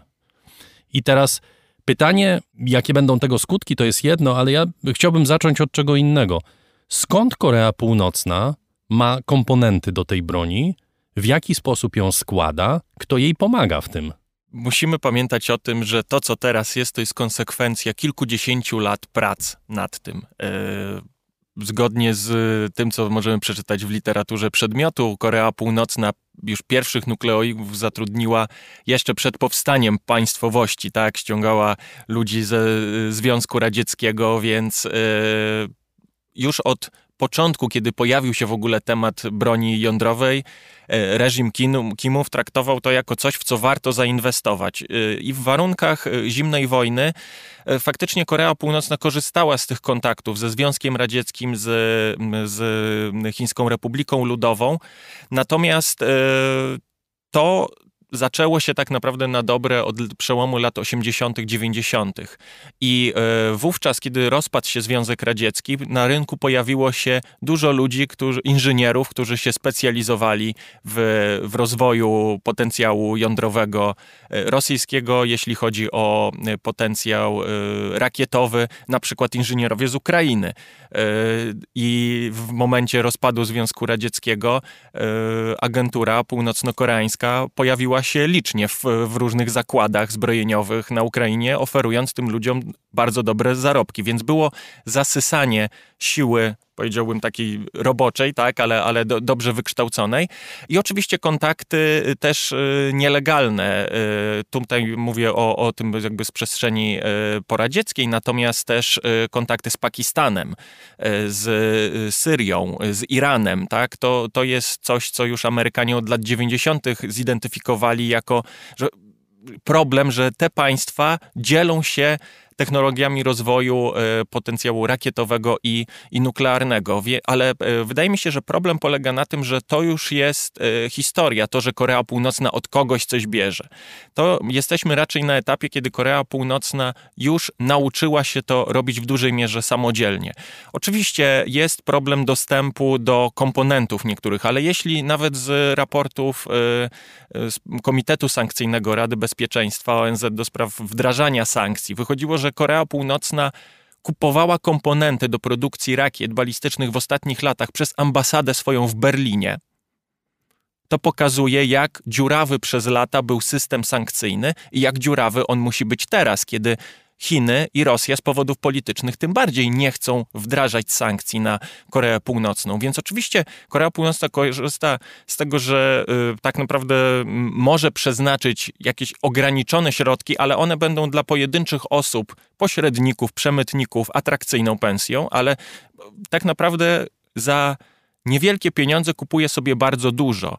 I wydaje mi się, że y, to jest rzecz, y, z którą niestety musimy się pogodzić, że Korea Północna tak dużo zainwestowała, tak bardzo podziurawiła ten reżim sankcyjny i tak, y, tak bardzo już jest zaawansowana w rozwoju potencjału rakietowo-nuklearnego, że denuklearyzacja Półwyspu Koreańskiego, powtarzana jak mantra przez kolejne y, rządy, nie tylko Stanów Zjednoczonych, ale na przykład w niedawno opublikowanej strategii obrony narodowej administracji Joe Bidena też jest wskazane to jako cel. Halo, już jesteśmy daleko poza tym, tego się, to się nie odkręci, trzeba prowadzić politykę, wobec Korei Północnej taka, jaka jest, a nie jaką chcielibyśmy widzieć. A taka, jaka jest, to to, co pan powiedział, stwarzająca zagrożenie, więc trzeba między innymi przygotowywać się na eskalację i robić wszystko, aby nie doszło do niekontrolowanej eskalacji, bo mam wrażenie, że to, co mamy teraz, to mimo wszystko jest to kontrolowane i to jest ogromne wyzwanie przed sojuszem amerykańsko-południowo-koreańskim. Robić wszystko, aby Koreańczycy z północy nie przekroczyli granicy. Zaraz do Korei Południowej dojdziemy, natomiast wspomniał Pan o dwóch krajach, o których chciałbym porozmawiać: Chiny i Rosja. Zacznijmy może od Chin. Chińczycy patrzą na to wszystko, wiedzą dokładnie, że Kim Jong-un szykuje być może próbę nuklearną w sytuacji, w której Rosjanie cały czas straszą od kilku miesięcy wykorzystaniem broni jądrowej, taktycznej czy nietaktycznej, ale straszą. Jak Chińczycy zareagowaliby na taką próbę? Jak w ogóle odbierają to, co się dzieje, jeśli chodzi o budowę arsenału rakietowego przez y, Kim Jong-una. Myślę, że to jest rzecz y, niepokojąca za każdym razem dla Chin, ale taka, z którą nauczyli się żyć. Bo y, nawet Chiny zdają sobie sprawę, że mają bardzo ostatecznie ograniczone możliwości oddziaływania na Koreę Północną. To, że mają wszelkie środki nacisku ekonomicznego, to nie oznacza, że da się wymusić na Korei Północnej odejść, zejście z drogi rozwoju nuklearnego. Więc y, wydaje mi się, że w przypadku Chin można się spodziewać oficjalnie potępienia, ale po przecinku będzie dodany potępienia w ogóle napięć na Półwyspie Koreańskim. Po co te manewry Stanów Zjednoczonych i Korei Południowej? One przecież mogły sprowokować Koreę Północną, która w celu odstraszania musi pokazywać, że w sytuacji konfliktu by zareagowała. Więc wydaje mi się, że e, Chińczycy e, na poziomie deklaracji potępią, bo są też zwolennikiem świata, który powinien się denuklearyzować, żeby reżim nieproliferacji był wzmocniony. Tak, to, to polityczny przekaz taki, ale czy są w stanie zrobić coś więcej, czyli docisnąć Koreę Północną, żeby jednak się powstrzymała? Wydaje mi się, że nie, a robiły to Chiny w 2016 i w 2017 roku, ale widzimy już w tym roku, że rezolucja nakładająca E, kolejne sankcje na Koreę Północną jest bardzo mało prawdopodobna, bo w maju tego roku po jednym z testów rakietowych Stany Zjednoczone przedstawiły propozycję rezolucji. Została ona odrzucona przez Rosję i Chiny. W, ten, w tym sensie te państwa pokazały, że nie ma zgody na nakładanie E, sankcji dodatkowych na Koreę Północną, bo te państwa odnoszą, znaczy podkreślają od, od lat, że e, nie tędy droga. Już nałożyliśmy dostatecznie dużo sankcji, a poza tym oni zdają sobie sprawę, że wdrażanie sankcji zależy od nich, a w ostatnich tygodniach mamy do czynienia z wznowieniem kontaktów gospodarczych na większą skalę między Chinami a Koreą Północną, więc tak naprawdę jedno to deklaracja, a drugie to realne działania. E, Chińczycy wiedzą, że jakoś trzeba się ułożyć z Koreą Północną i lepiej w globalnej rywalizacji ze Stanami Zjednoczonymi mieć tę Koreę Północną bardziej po swojej stronie. Nawet jeśli ona jest nieposłuszna, trudna, to Korea Północna wybrała. Korea Północna w tym roku wyraźnie pokazała, że w globalnym sporze jest bliżej Chin niż Stanów Zjednoczonych i Co więcej, jest też bliżej Rosji, bo tutaj to, co robi Korea Północna, faktycznie jest wychodzeniem przed szereg. No właśnie, czy Korea Północna przekazuje broń Rosji? Mówią, że nie. To znaczy, że tak. tak, mo tak można by było podsumować. No, Amerykanie już oficjalnie ustami swojego y, rzecznika y, Departamentu Obrony powiedzieli, że no, mają wiarygodne informacje, y, że, że tak się dzieje. Byłoby to zrozumiałe z punktu widzenia Korei Północnej, której właśnie zależy na tym, żeby Rosja w sprawie właśnie potencjalnych rezolucji głosowała po myśli e, Korei Północnej. E, Korea Północna wydaje mi się, że znalazła wspólny język w jak to oni mówią, zwalczaniu e, amerykańskiego imperializmu z Rosjanami. Więc jest Podobnie to... jak z Chińczykami. Tak, tak. To, to ich łączy. Sprzeciw wobec amerykańskich wpływów, sojuszy na świecie. To każdy po swojemu będzie to zwalczał.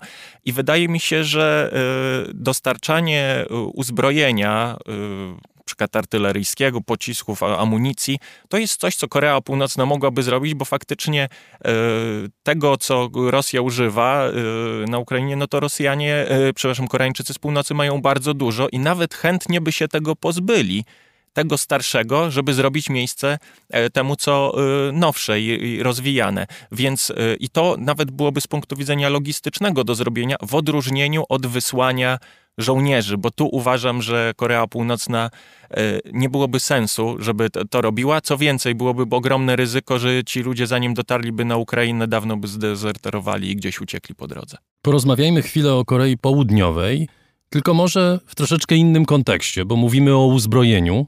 To jest bardzo dobry moment dla dostawców broni z Korei Południowej, prawda? Między innymi Polska zawiera bardzo duże kontrakty z firmami koreańskimi, co zresztą podobno nie najlepiej jest przyjmowane w Waszyngtonie. Korea chce być dużym graczem na rynku handlu e, bronią. Prezydent mówił w sierpniu, że jego celem jest wprowadzenie kraju do pierwszej czwórki światowych dostawców, czyli dołączenie do Stanów, Rosji, Francji, takich firm, które mają kontrakty na całym świecie. Jakie ma szanse Korea Południowa i jakie ma atuty? No, myślę, że na przykładzie kontraktów y, z Polską widać, że te szanse są całkiem duże, bo to, co z punktu widzenia naszego jest relacją bilateralną, y, po prostu dealami z Koreą Południową, dla Korei Południowej jest wejściem na rynek natowski. Na bardzo wymagający, trudny rynek europejski, na którym są Niemcy, Francuzi, Brytyjczycy, Amerykanie, a więc y, jest to wejście z przytupem, które może otworzyć szansę przed Koreańczykami wejścia na kolejne rynki. I zresztą takich, e, takie porozumienia już Koreańczycy zawierali, tylko na mniejszą skalę, bo tu i z Finami, z, z Estończykami między innymi, ale też negocjują z Norwegami e, dostawy czołgów K2. Jest zainteresowanie uzbrojeniem południowo-koreańskim. Atutem jest to, że Koreańczycy z południa faktycznie mają dość duże moce wytwórcze. I też Potrafią nie ma... dostarczyć broń znacznie szybciej niż Amerykanie tak, ale to też dlatego, że nie mają tylu kontrahentów co Amerykanie. I to jest, to jest pewien y, dylemat przed Koreańczykami, na ile ich moce produkcyjne pozwolą na zaspokojenie popytu mm, kontrahentów. Y, na tę chwilę wydają się gotowi sprostać temu wyzwaniu, ale wyzwaniu takiemu, który polega no, na dostarczeniu no, wiele uzbrojenia do, do jednego państwa y, natowskiego. Wydaje mi się, że to, co też jest bardzo korzystne, z punktu widzenia potencjalnych kontrahentów Korei Południowej jest to, że Korea Południowa oferuje transfer technologii w dużej mierze. Chociaż tutaj e, przestrzegałbym przed e, nadmiernym optymizmem, bo to jest też wymóg po stronie kontrahenta, że to nie będzie tak, że bo już sparzyła się Polska kiedyś na oczekiwaniach wobec koncernu DU, a później było oskarżenie, że Koreańczycy przyszli i szybko uciekli. Nikt nie zwracał uwagi, że to było z powodu azjatyckiego kryzysu finansowego i, i zapaści tej firmy na, na rynkach globalnych, a, a nie tego, że y, nie spodobała im się Polska, więc y, po stronie Polski będzie dużo zadań do wykonania, żeby tutaj też wiele zrobić, rozbudowywać te własne Ale zakłady Ale to nie tylko Polska. Oni tak. sprzedają broń w, w Norwegii, o ile wiem, w, tak, w, tak. w innych krajach skandynawskich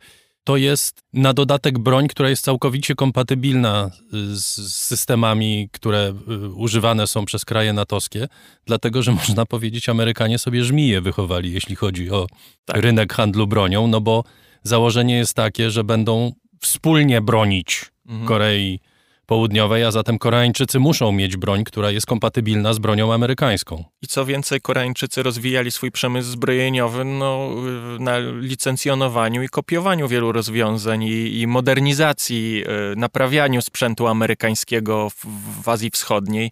Od tego się y, zaczęło i y, faktem jest, że zażyłość przemysłów południowo-koreańskiego i amerykańskiego jest, jest duża ale jednak to są konkurenci już w tym momencie i Koreańczycy z, z południa są niesamowicie dumni z tego, że, że wchodzą yy, no, na też taki obszar konkuren- konkurowania z największymi na świecie. Yy, wydaje mi się, że to jest yy, bardzo też duże wyzwanie, żeby zrealizować to wszystko, co, co Koreańczycy, do czego Koreańczycy się yy, zobowiązali, bo to jest budowanie wiarygodności w oczach najbardziej wymagających partnerów na świecie, bo Korea Południowa od lat oferowała swoje uzbrojenie państwom Azji Południowo-Wschodniej przede wszystkim, e, ale tam często to było na przykład no, lotnictwo do, do, do, zwalczania partyzantek, tak, na przykład na Filipinach, tak, ale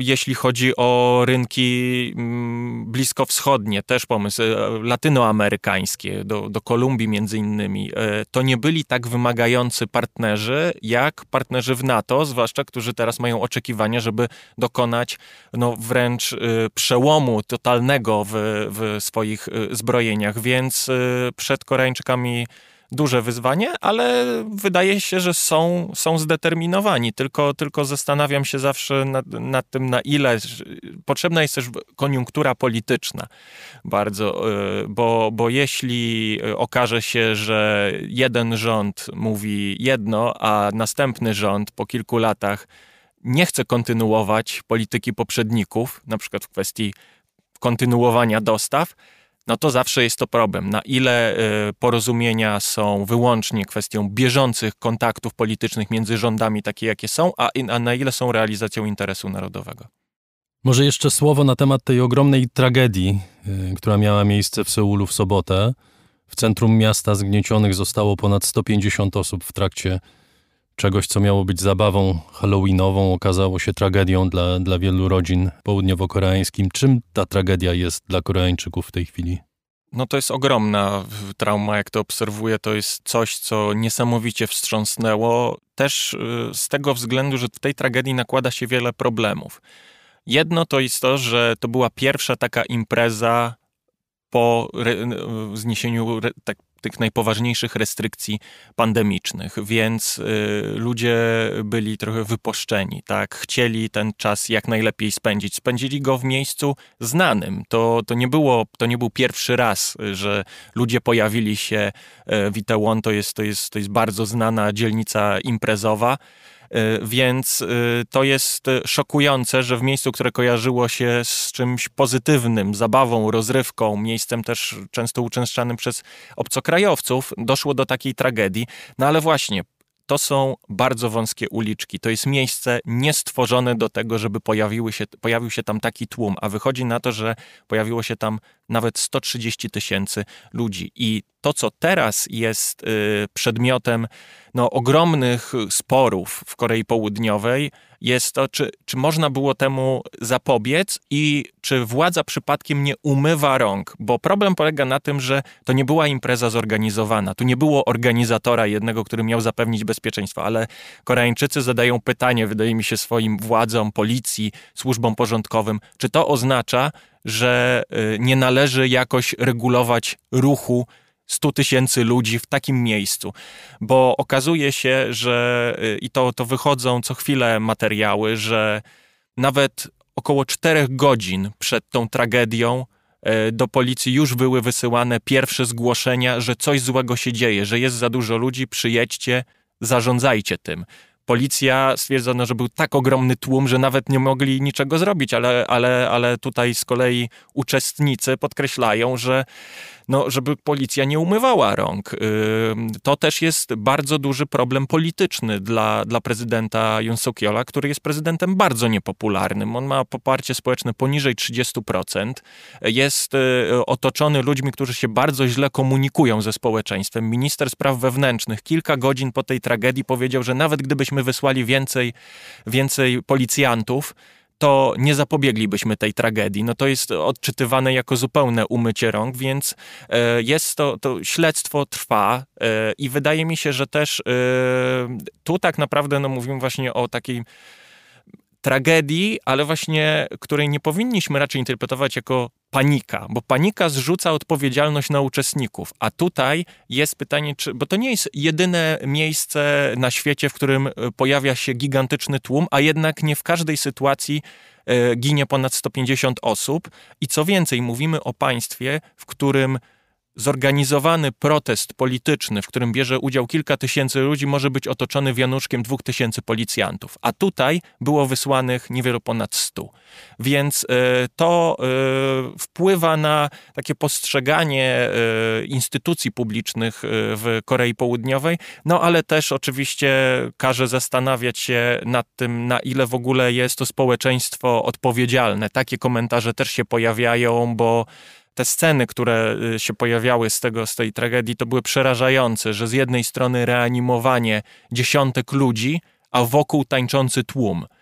Znieczulica ogromna, no coś, coś przerażającego, więc to też jest pewna ilustracja tego, nie mówię, jakie w całości jest społeczeństwo południowo-koreańskie, ale jakie zachowania tam też są. I wydaje mi się, że to jest temat do y, tak wielu dyskusji na temat sytuacji społecznej w Korei Południowej, że to, to, jest, to jest y, coś, co na pewno jeszcze przez wiele miesięcy będzie, będzie jednym z głównych tematów dyskusji w, w Korei Południowej, a trzeba jeszcze pamiętać o tym, że tego typu tragedie miewają konsekwencje polityczne w Korei Południowej. W 2014 roku E, zatonął prom Seoul, zginęło około 300 osób i później śledztwo wykazało, że pani prezydent nie odbierała przez długi czas telefonu.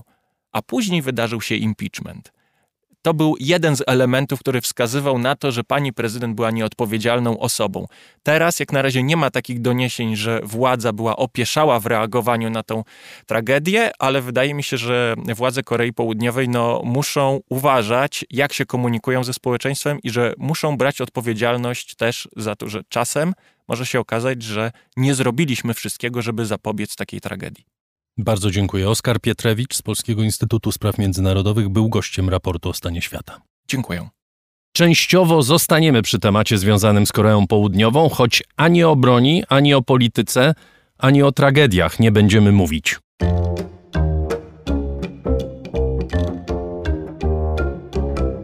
Rożek Urosiaka w raporcie.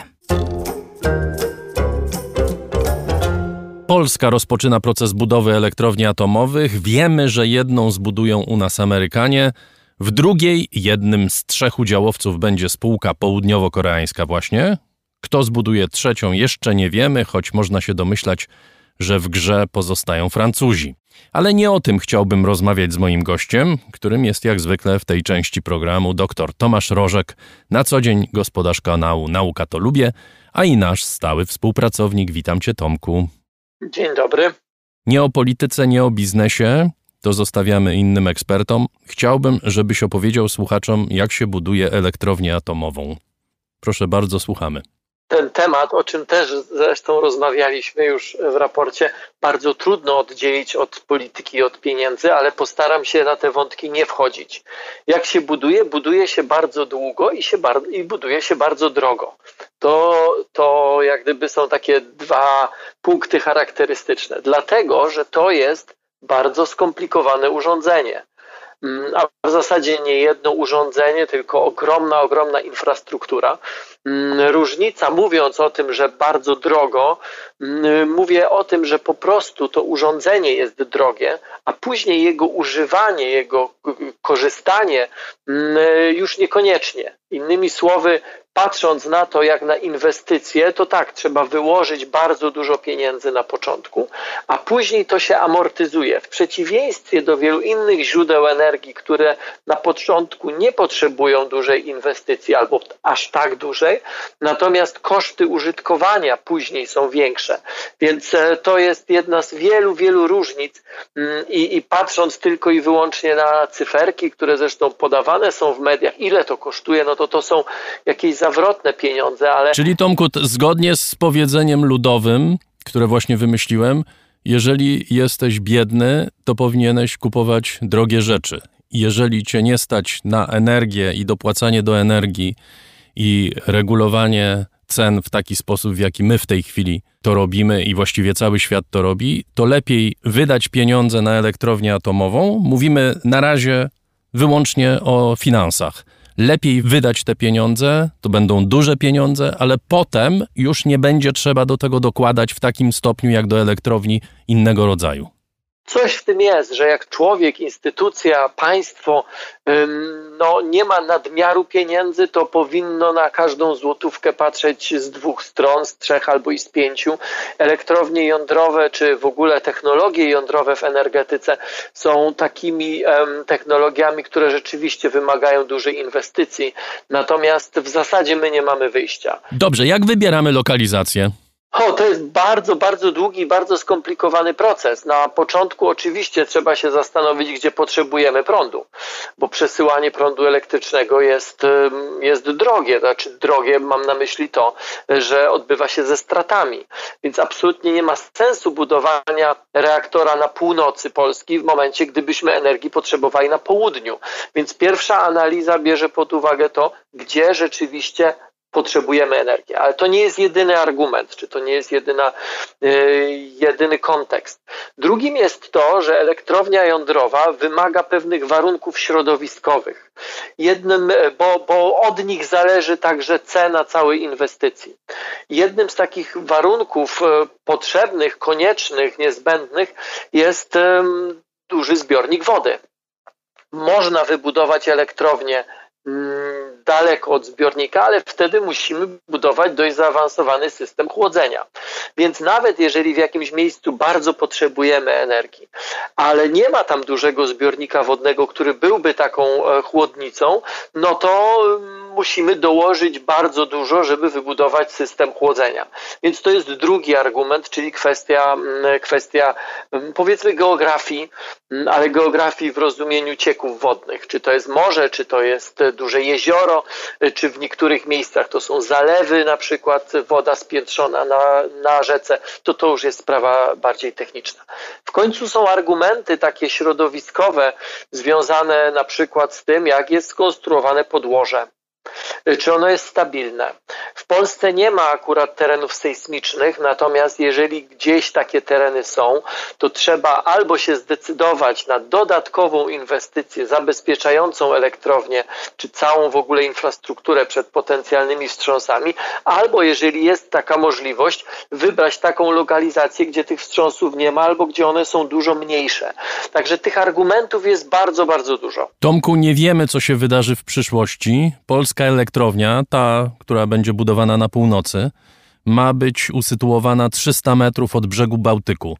Klimat się zmienia, zmieniają się okoliczności przyrody. Może za 50 lat albo za 100 na Bałtyku będą tsunami. Czy to jest brednia? Nie ma takiej możliwości, żeby na Bałtyku były tsunami. Patrząc naukowo na temat, na problem, nie powiedziałbym, nie ma takiej możliwości. E, natomiast powiedziałbym, że intuicja i wiedza podpowiada mi, że jest to bardzo, ale to bardzo mało prawdopodobne. Mm, wolałbym, żebyś to pytanie zadał komuś, kto się zajmuje sejsmologią albo geofizyką. W każdym razie na razie nie da się w tej chwili sensownie y, przewidzieć, że coś takiego mogłoby nastąpić, tak? Że te warunki mogłyby się zmienić do tego stopnia, że usytuowanie elektrowni 300 metrów od Bałtyku jest jakimś zagrożeniem w sensie geologicznym? po to, żeby określić, i właśnie dlatego ten proces budowy, y, czy ten proces wyboru miejsca jest tak skomplikowany, tego typu e, rozważania także bierze się pod uwagę i w grupach, które znajdują tego typu miejsca, czy miejsca na tego typu inwestycje, także oczywiście są geofizycy, są e, geolodzy, są specjaliści od także zmian klimatu, bo choć niezwykle trudno mi sobie wyobrazić, um, tsunami na Bałtyku, to z łatwością mogę sobie wyobrazić, nawet nie trzeba sobie jakoś tego wyobrażać, wystarczy spojrzeć mm, e, na dane z ostatnich 50-100 lat, podnoszenie się poziomu wody. I oczywiście, że tego typu zmiany także trzeba brać pod uwagę. Ale Warto też pamiętać, że budowa takiej elektrowni czy budowa takiej infrastruktury to nie jest decyzja na tysiąc lat do przodu to jest decyzja na powiedzmy 100 lat do przodu. W ciągu 100 lat y, nie zmieni się geologia Ziemi, tak? nie, nie, nie pojawią się nowe tereny sejsmiczne. koreańska infrastruktura czy koreańska elektrownia, koreańskie reaktory, y, amerykańskie też, one mają żywotność rzędu 60 lat.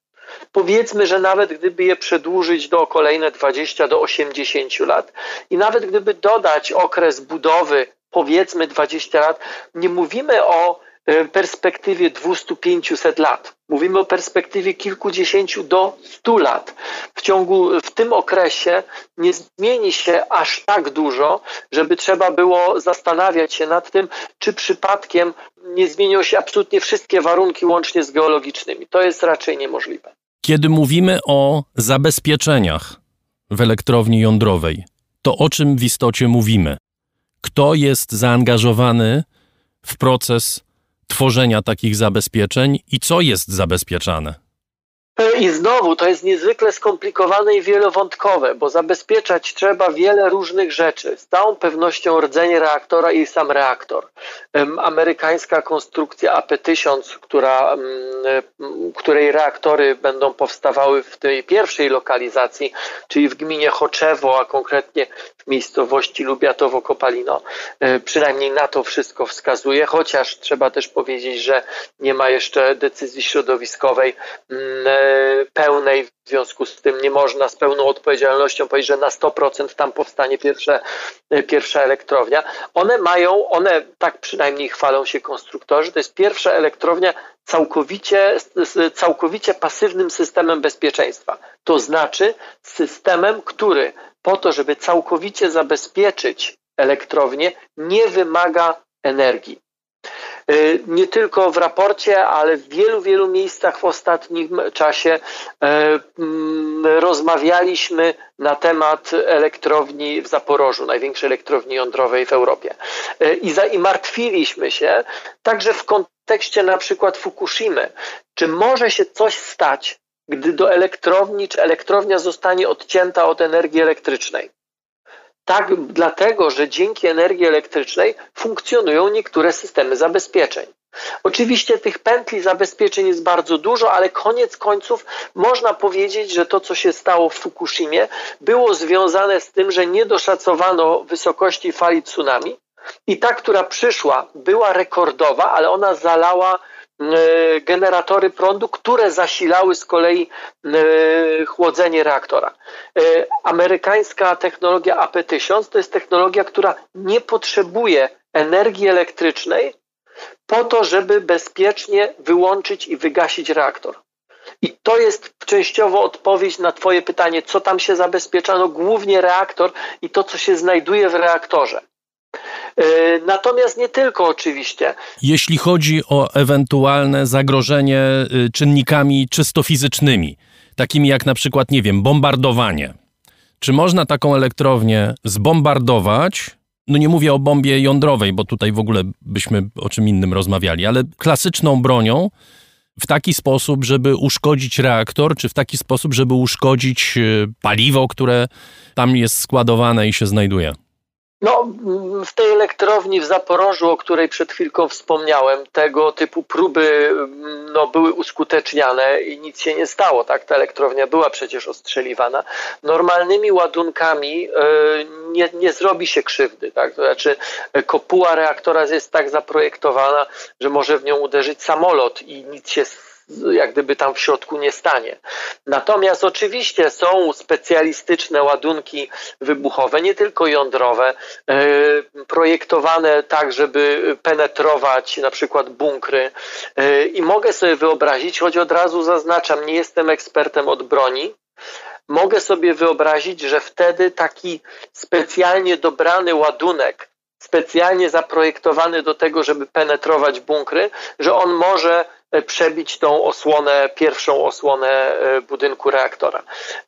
Czy jak bardzo by to mogło zaszkodzić, czy jak bardzo by to mogło um, uszkodzić, no trudno mi powiedzieć, no bo od tego są odpowiednie symulacje matematyczne.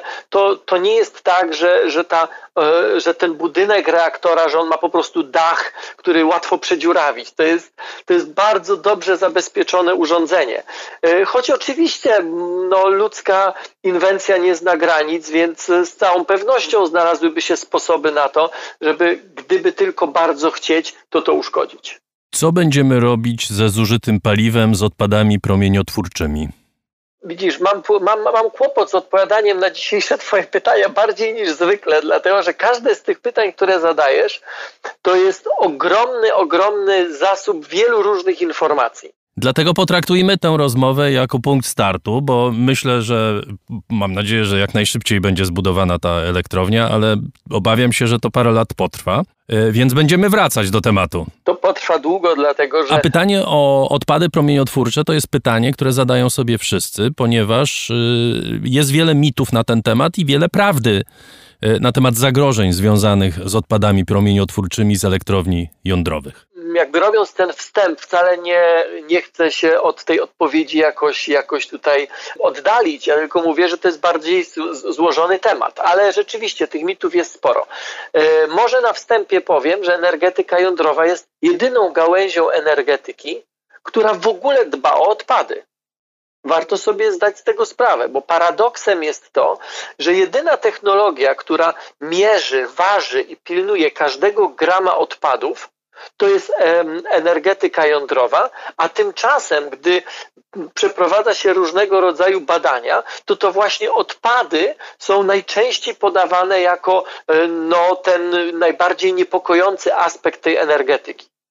E, jeżeli ktoś e, spacerował po hałdzie, po nie wiem, stworzonej przy, przy dowolnej elektrowni e, węglowej, no to chcę powiedzieć, że był narażony na promieniowanie nieporównywalnie bardziej, na promieniowanie jądrowe, nieporównywalnie bardziej, niż gdyby stał e, przy elektrowni jądrowej albo przy składowisku odpadów.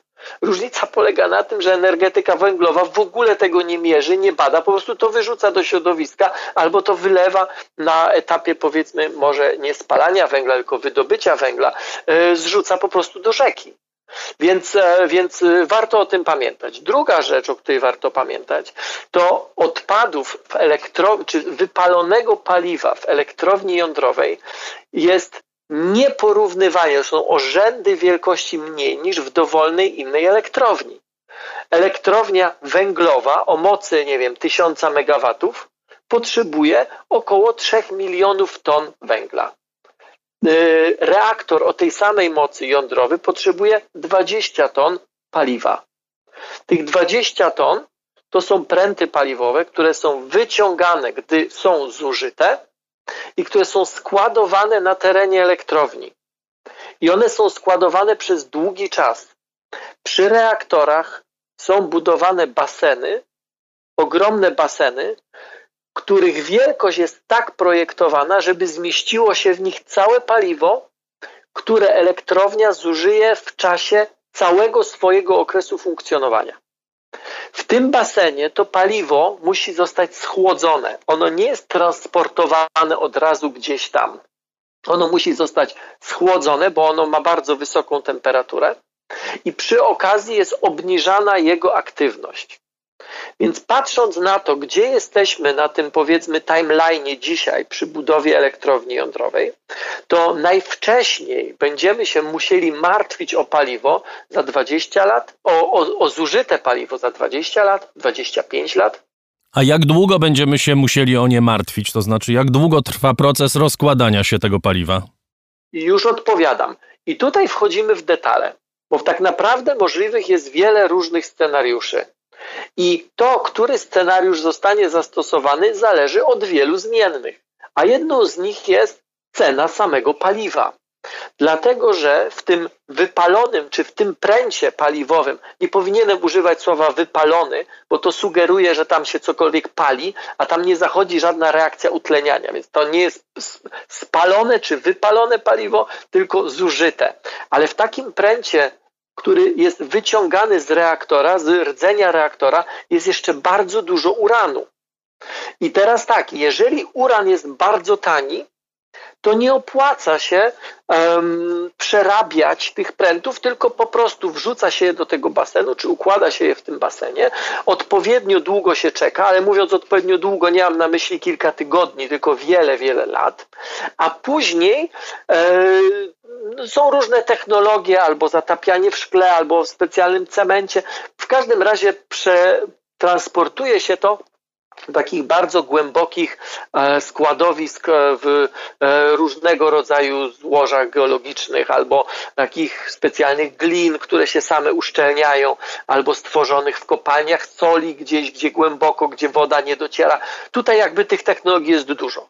Ale jeżeli cena uranu rośnie, to w pewnym momencie nie opłaca się tego robić, bo w tym zużytym paliwie jest jeszcze bardzo dużo uranu. Pręt paliwowy wyciągamy z rdzenia nie wtedy, kiedy cały tlenek uranu zostaje zużyty, tylko wtedy, kiedy w sumie niewielka jego część zostaje zużyta. Większość tam jeszcze zostaje. I jeżeli e, cena uranu jest stosunkowo wysoka, to nie składuje się tego gdzieś, tylko się to przerabia, a w ten sposób można zmniejszyć objętość, ilość tych radioaktywnych odpadów nawet o 85%. Można odzyskać jeszcze raz ten uran i z powrotem z niego zrobić e, tabletki tlenku uranu, które układa się w takiej rurce cyrkonowej, w takie stosy się je wiąże i wkłada z powrotem do reaktora. Więc na dzisiaj z całą pewnością Polsce będzie potrzebne e, składowisko e, wysokoaktywnych odpadów wysoko radioaktywnych odpadów, to które jest w Polsce w miejscowości Różana, to jest jakieś 100 kilometrów od Warszawy, e, to nie jest e, składowisko, które mogłoby sobie, e, czy które zostało zaprojektowane do tego typu odpadów. Natomiast to, jak to składowisko będzie wyglądało, jak duże ono będzie musiało być, to to nie jest temat na teraz. To jest temat do zastanowienia się inaczej zastanawiać się powinniśmy już teraz, tak? ale nie musimy go już teraz mieć. To, to, to nie jest tak, że w momencie, kiedy rusza reaktor, to już musi stać puste jakieś składowisko, bo za chwilkę do niego będziemy transportowali e, zużyte paliwo. To nie była nasza pierwsza rozmowa na temat elektrowni jądrowych, nie. nie, pierwsza na temat składowania zużytego paliwa i tak dalej, i tak dalej, ale pierwsza po podjętej przez polskie władze decyzji, no w oczekiwaniu jeszcze na decyzję dotyczącą trzeciej elektrowni. Nie rozpoczynając innego wielkiego tematu, więc prosiłbym Cię o krótką odpowiedź, ale jednak Cię zapytam, ile energii będzie miała Polska z tych trzech elektrowni, albo przynajmniej z tej jednej, bo na razie prawie pewna jest budowa jednej? Na razie pewna jest budowa jednej. Um firma Westinghouse, amerykański wykonawca, mm, chce wybudować w Polsce reaktory, które są nazywane AP1000, czyli każdy z nich ma moc 1 gigawata. Mm, y, mowa jest o tym, że w pierwszej instalacji będą trzy takie reaktory. W związku z tym, z grubsza licząc, to będzie jakieś 3 gigawaty. E, dla porównania elektrownia w Turowie, największa elektrownia w Polsce, ma ponad 5 gigawatów, czyli e, ta elektrownia pierwsza jądrowa będzie e, miała moc mniejszą niż największa elektrownia węglowa w Polsce, a być może nawet nie jestem przekonany, czy Turów nie jest największą elektrownią w ogóle w Europie. węglową. Jeżeli mówimy o drugiej elektrowni, wspomniałeś o tym, że ta konstrukcja będzie nieco inna, bo pierwszą No tak, to jest konstrukcja komercyjna. Tam... To jest komercyjna i tam spółka koreańska chyba ma jedną trzecią udziałów, czy będzie miała. W każdym razie ona jest z całą pewnością dostarczycielem technologii. Te, te reaktory e, koreańskie, one są większe.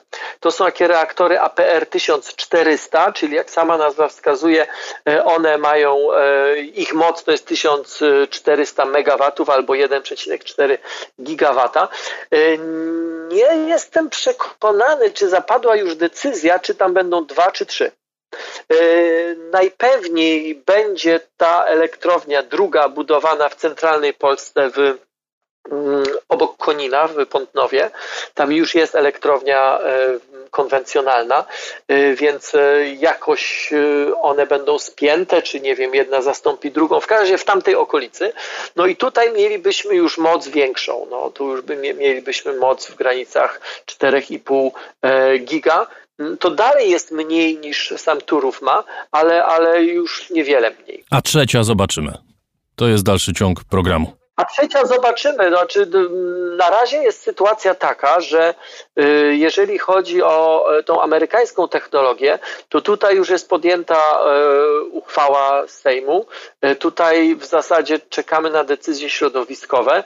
Jeżeli wszystko pójdzie odpowiednio sprawnie, to jest szansa, że w roku 2026 ruszy budowa. Budowa takiego kompleksu jest dość skomplikowana, to trwa długo, e, więc pierwszy reaktor ma szansę ruszyć przy takim harmonogramie e, realnym, choć przyznam, że dość napiętym w 2033 roku, 2033 roku, czyli za 11 lat. Pierwszy. Do uruchomienia kolejnych nie będziemy musieli czekać kolejnych wielu lat, to już będzie dużo jak gdyby szybciej. I w którym momencie ruszy budowa elektrowni tej, nazwijmy ją koreańskiej, trudno powiedzieć, dlatego że tutaj na razie zostały podpisane tylko listy intencyjne. Nie jestem prawnikiem, więc nie wiem, czy łatwo się wykręcić z listu intencyjnego. Czytam opracowania, z których wynika, że tutaj, że to nie jest już tylko takie, e, taka deklaracja, że może byśmy chcieli, tylko że to jest coś więcej, ale z całą pewnością nie jest to umowa. E, tutaj też jeszcze nie ma decyzji środowiskowych, nie ma też dokładnej lokalizacji. E, ta lokalizacja w Pątnowie to jest lokalizacja, o której się mówi, ale mówić można, a na papierze trzeba mieć.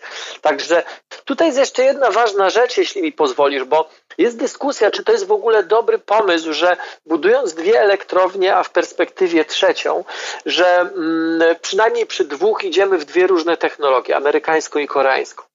Mm, I warto to może w pięciu słowach wyjaśnić. Są argumenty za tym, żeby budować elektrownie w różnych technologiach, jakie są argumenty za tym, żeby budować w jednej. Z całą pewnością taniej by było, gdybyśmy wybrali jedną technologię do wszystkich e, reaktorów w Polsce. I to jest zrozumiałe, jak ktoś prowadzi firmę transportową, to lepiej jak kupi e, samochody jednej marki, ponieważ wtedy może zatrudnić mechaników znających się na jednej marce, bo wtedy może kupić części zamienne do jednej marki i tak dalej. Ale są też e, minusy takiego rozwiązania. E, I teraz na przykład Francja się z, z, z, tym mocno, mocno boryka. Jeżeli wybralibyśmy na przykład technologię amerykańską czy francuską, jakąkolwiek, ale do wszystkich reaktorów, i jeżeli w którymś z reaktorów odkryto by, że na jakiejś tam części pojawiły się pęknięcia, albo jakiś tam element zaczyna korodować, a nie powinien, to wtedy zgodnie z przepisami trzeba wyłączyć wszystkie reaktory, które ten element mają, póki sprawa się nie wyjaśni. I teraz Francja ma z tym do czynienia, dlatego że w jednym z reaktorów francuskich odkryto, nie wchodząc bardzo w szczegóły, że gdzieś pojawiła się korozja na jakimś elemencie, który nie ma przełożenia na bezpieczeństwo reaktora, ale przepisy, jeżeli chodzi o energetykę jądrową, są dużo, dużo bardziej restrykcyjne niż o jakiekolwiek inne, inny rodzaj energetyki i Francuzi musieli wyłączyć całkiem sporą część swoich elektrowni jądrowych. W efekcie niemalże z dnia na dzień z eksportera energii stali się importerem energii. Więc jakakolwiek awaria jakakolwiek niewiadoma, jakakolwiek, jak jakikolwiek problem, w momencie, gdybyśmy mieli reaktory tej samej marki, powiedzmy, tej samej, z tej samej technologii, oznacza wyłączenie wszystkich. Czyli tak jak z inwestycjami, lepiej y, nie wsadzać wszystkich jajek do jednego koszyka. Lepiej dywersyfikować, chociaż oczywiście to także ma swoje, swoje wady, ale patrząc na te wady i na te zalety, to jednak wydaje mi się, że decyzja pójścia w różne technologie jest y, bardzo sensowna. Dziękuję bardzo. Dr Tomasz Rożek, gospodarz kanału Nauka to Lubię, stały współpracownik raportu o stanie świata, opowiadał Państwu o tym, jak buduje się elektrownie jądrowe i jeszcze parę innych rzeczy Państwu opowiedział i będzie opowiadał dalej na ten temat, bo będziemy żyli najpierw z wizją elektrowni jądrowych, a potem, mam nadzieję, z elektrowniami jądrowymi przez długi czas w Polsce. Dziękuję Ci bardzo. Bardzo dziękuję.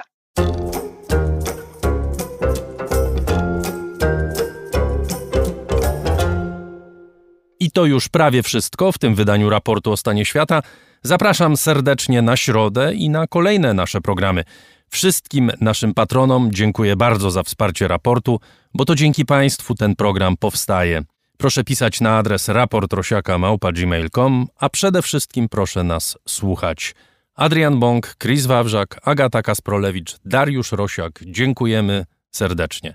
Na koniec jeszcze wielka artystka etiopska Aster Aweke.